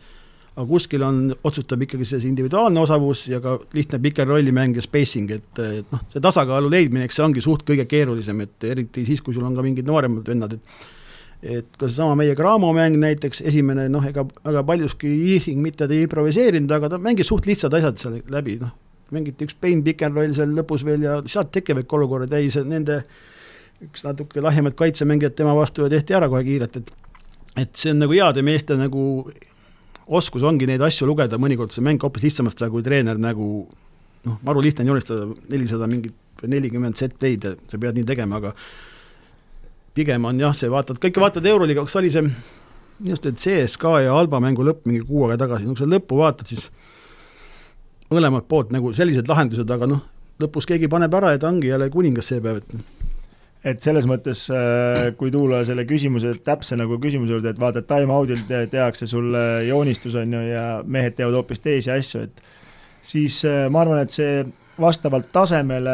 täpselt seda realiseeritakse ka, et äh, ütleme noh, ma ei tea, toome näiteks Rapla mängu ja Rae Kossu, et Siim kirjutab, joonistab meile mingi äh, neli katet ja, ja ühe sama kombinatsiooni näiteks teete, on ju, Siim joonistab neli katet ja sealt peab vise tulema, aga ühes kohas pannakse kolmanda katte juures uks lukku, et siis ongi, mis sa siis teed, et et siis tuleb see individuaalne oskus mängu, et aga noh, kui mängijad on niivõrd heal klassil, et lihtsalt teevad need katted õieti ja no seal on väga suur roll muidugi mängijate IQ-l selles mõttes, et sellest ei piisa, et kahel mehel on hea IQ, et viis venda peavad ühtemoodi mõtlema, ühtemoodi tegema, siis need kombinatsioonid ja asjad tulevadki lõpuks välja, et aga aga noh, ma arvan, et see ongi selle asja nagu point põhimõtteliselt, aga kui ma ise mängisin, äh, mängin nagu korvpalli, siis äh, ma üldiselt, äh, mitte ma ei mängi rünnakujoonist, vaid ma otsin nagu kaitse kehva tegevust, et, et ma nagu ründan pigem, kui kaitse eksib. absoluutselt õige jah, kusjuures muidugi, kui nüüd rääkida nendest set play'dest ja asjadest ikkagi noh, praegu väga muljetavaldav see Jassikevitsu, see Barcelona käekiri, tal on nagu ka meeletud special play'd ja asju, nad töötavad nii filigraanselt, et noh, ka üleeile, kui see mäng oli, ma kohe kiirelt rabasin jälle paberi ja pliiatsi mingid asjad kähku kirja, et noh, see kõik see game flow ja katted ja noh, loomulikult ongi vaata maailma üks parimaid korvpallivõistkondi hetkel, et noh, see ongi arusaadav, et see tundubki nii sümpaatne ja efektne, kui need asjad toimivad. et noh, Kristo tegi näite, kõik sõltub levelist, et kui võib-olla täpselt samu play'si tahad, et sama hästi mängitakse Raplas, siis ilmselgelt see ei toimi. lähima paari aasta jooksul nii ei ole, eks ole. jaa, et noh, selles mõttes, et seal peabki olema see, ütleme noh kui me võtame kas või Barcelona näite näiteks, on ju, sul on Mirotic, on ju, siis lätlane Smits, eks, on ju, tundub ju eelmine aasta täielik kaer väljakul ei saa, eelmine mäng pani mingi jõhkra kontserdi jälle, on ju, et äh, mees lihtsalt teeb neid asju, mida treener käsib ja suudab niisuguse kvaliteediga teha, siis tal tekivad endal ka võimalused, noh. et seal ma kujutan ette, kui vastased äh, skaudivad Barcelonat, on ju, meil ikkagi näiteks Cramoga mängisime omal ajal Rakverega näiteks, eks kõiki uksi kinni ei suuda panna, on ju, siis jätab mingi asja vabaks, on ju, aga seal nõrka lüli polegi, noh, et sa ei saa midagi vabaks jätta. aga piltlikult vist võib ikkagi suures plaanis öelda, et, et mida kõrgem tase, seda vähem kombinatsioone, et okei okay,, teatud erandid on aga mida kõrgemale tasemele me läheme, seda rohkem mängijad individuaalse meisterlikkuse ja pick n rolliga puhtalt lahendavad no, neid olukordi. tõenäoliselt kõige rohkem meie treeneritest on skautinud tippvõistkonda siin Alar Varrak, kes ta tõi vist, minu arust oli Imki, kui seal oli Keith Langford, vahet pole, keegi paari head mängijat talle ütles, et tegelikult seal pole midagi skautida, seal oli üks või kaks liikumist ja kõik läks pick n rolli peale, spacing ja sealt lahendati vastavalt nii, tuli abi sealt, sööt sinna, sealt abi ei tulnud, mängisin ise, noh, kõik asjad on nagu lihtsuse peal ikka lõpus, no kui ma võtan äh, siin Tommi jutu jätkust, no minu idee järgi või noh, mõttemaailmas on see, et ütleme, kui sa võtad selle imki või ütleme, mingi hea võistkonna, ta ju koostab oma rünnaku tegelikult kaitses, selles mõttes, et no mis rünnakut sa mängid, kui sa mängid ideaalse kaitse ja sa lähed kolm-kaks või kaks-üks kiiresse, no sul ei saa ja sa ei võtagi spacing ut üles, no okei okay,, kui tuleb mingi rahulikum, siis on mingi kindel plaan, on ju aga seal on täpselt samamoodi, et lihtsalt selle kõrgema leveli IQ-ga vendadel niimoodi, et näiteks oletame, et Mirotitšile läheb pall, on ju, peab vastaspoole katte minema, kui see pannakse lukku, on juba järgmine käik teiselt poolt, kõigil juba paugult tuleb nipsult, vaata, et ei hakka mõtlema, et sinna ei saa sööta, kuhu me siis paneme. jah, ja kui ütleme, kõige maailma individuaalselt parimad mängijad lõpuks noh, nõustuge või mitte, on NBA-s, kus nad on ka atleedid ja üks-üks ja muud asjad on osavad, üks USA treener ütles väga hästi, et ükski kahekümne tuhandest fännist ei tule saali vaatama mingi treeneri geniaalset kombinatsioone, tema tahab näha seda üks-üks, mingid kaks-kaks mängu ja lihtsalt korve ja efektseid lahendusi, et et sa võid ju joonistada, mis tahad, aga need Lebronid, noh, nad teevad asja hoopis lihtsamalt, kuna nad ongi nii head mängijad lõpuks. ja et eh, noh, kokkuvõttes ikkagi mängu ilu tullakse vaatama, et seda ma arvan, et eh, ükski Rapla fänn äh, ei läinud minema saalist viiskümmend seitse, viiskümmend mängule ja oli nagu ilge, ilge hea emotsioon võib-olla ainuke, ainuke noh, ma ei tea, pluss oli siis Te võitsite selle mängu või? ei, selle kaotasime, sa mõtled, talt, kui see Iiringu tagareis ära läks, siis ja, meil oli viiskümmend, viiskümmend, viiskümmend seitse, et seal nagu no, ei ole nagu midagi ilusat vaadata, et aga noh, ma olen ikka seda meelt, et kaotada ja võita, noh, ütleme kaotada pigem, et saab ju mitut moodi, et kas kahekümnega, neljakümnega, ühega, kahega, on ju. mõnikord kaotad kahekümnega, aga on parem maitse suus, kui ühe või kahega kaotad, no ühe-kahega nagunii head maitset ei ole, aga ütleme mingi kümnega või viiega, on ju, aga sul see mängupilt ja sa oled kogu aeg mängus, aga lihtsalt vahe läheb lõpuks suureks. jah, ega eilne oli ka see tunne, et kaotasime kahega tabelisse mingi, keegi ei mäleta, et see punnisid selle Gramoga seal lõpu yeah. lahendusteni aga see ei olnud selline paha kaotuse tunne, et nagu siin võib-olla kolmapäev Pärnust tulles kõigepealt ka aru saama, et Pärnu on selgelt noh, tihedam hetkel, et aga, aga noh, ongi täpselt, ka kaotada saab nii, et sa päris nagu selles suurde masendusse ei kuku. no ja selles mõttes, et kui sa ikkagi väljakule andes kõik ja vastane sind võidab, noh, pole midagi teha, no lihtsalt meie nupud on otsas, on ju, ja kogu lugu, on ju, aga, aga kui sa lihtsalt longid jalga ja midagi ise selleks ei tee ka, et siis tulebki paha tuju peale. no nii, ma usun, et äh, siin spetsialistid on rääkinud ja, ja kõik küsijad said äh,, said väärilised vastused. Tom, ma paneks sinu äh, sinu nii-öelda särki välja jagama, et meil eelmisest korrast muidugi oli võlg ka, äh, me siin Kristoga suures äh, maratonsaate tuhinas äh, unustasime särgi välja anda, aga, aga Perit siis selle eelmise saate eest sai ja Peritiga on juba ka ühendust võetud ja kõik on, kõik on aus ja ametlik. kolm küsimust siis täna olid, kõigepealt Ott küsis Eesti mängijate professionaalsuse kohta, siis küsis Karmo selle publikuga rääkimise osas ja, ja viimane küsimus tuli siis Kaimolt, kes küsis nende kombinatsioonide kohta, et äh, kuidas sulle äh, Tom tundus, kõik olid väga head küsimused, ma arvan, et sa nõustud. kõik olid väga head küsimused tõesti, et siin sai ju pikalt arutleda, et noh,